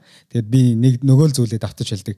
YouTube дээр та хэрвээ бичлэгийг үзэж явах юм бол Сэхэтингийн YouTube сувгийг subscribe хийгээрэй. За тэгээ манай Сэхэтингийн Instagram хаяг дээр бол энэ бүх видео бичлэгүүд маань reel байдлаар 1 минутаар ингээд тастаа тастаа оруулж байгаа манай болтгоо маань. Тэгэхээр богино хугацааны бичлэгүүдийг үзье гэх юм бол та манай сэхэтэн дээр өдөр тутамдаа орж байгаа бичлгүүдийг бас рилүүдийг үзэж болно. Тэгээ тань таалагдж байгаа бол шеэрлэх нь бол таны эрхийн асуудал. Тэгээ шеэрлэрэй гэж та бүхнээс хүсэж байна. Дараагийн цоо шинхэн дугаараар эргүү уулзтлаа. Түр баяртай.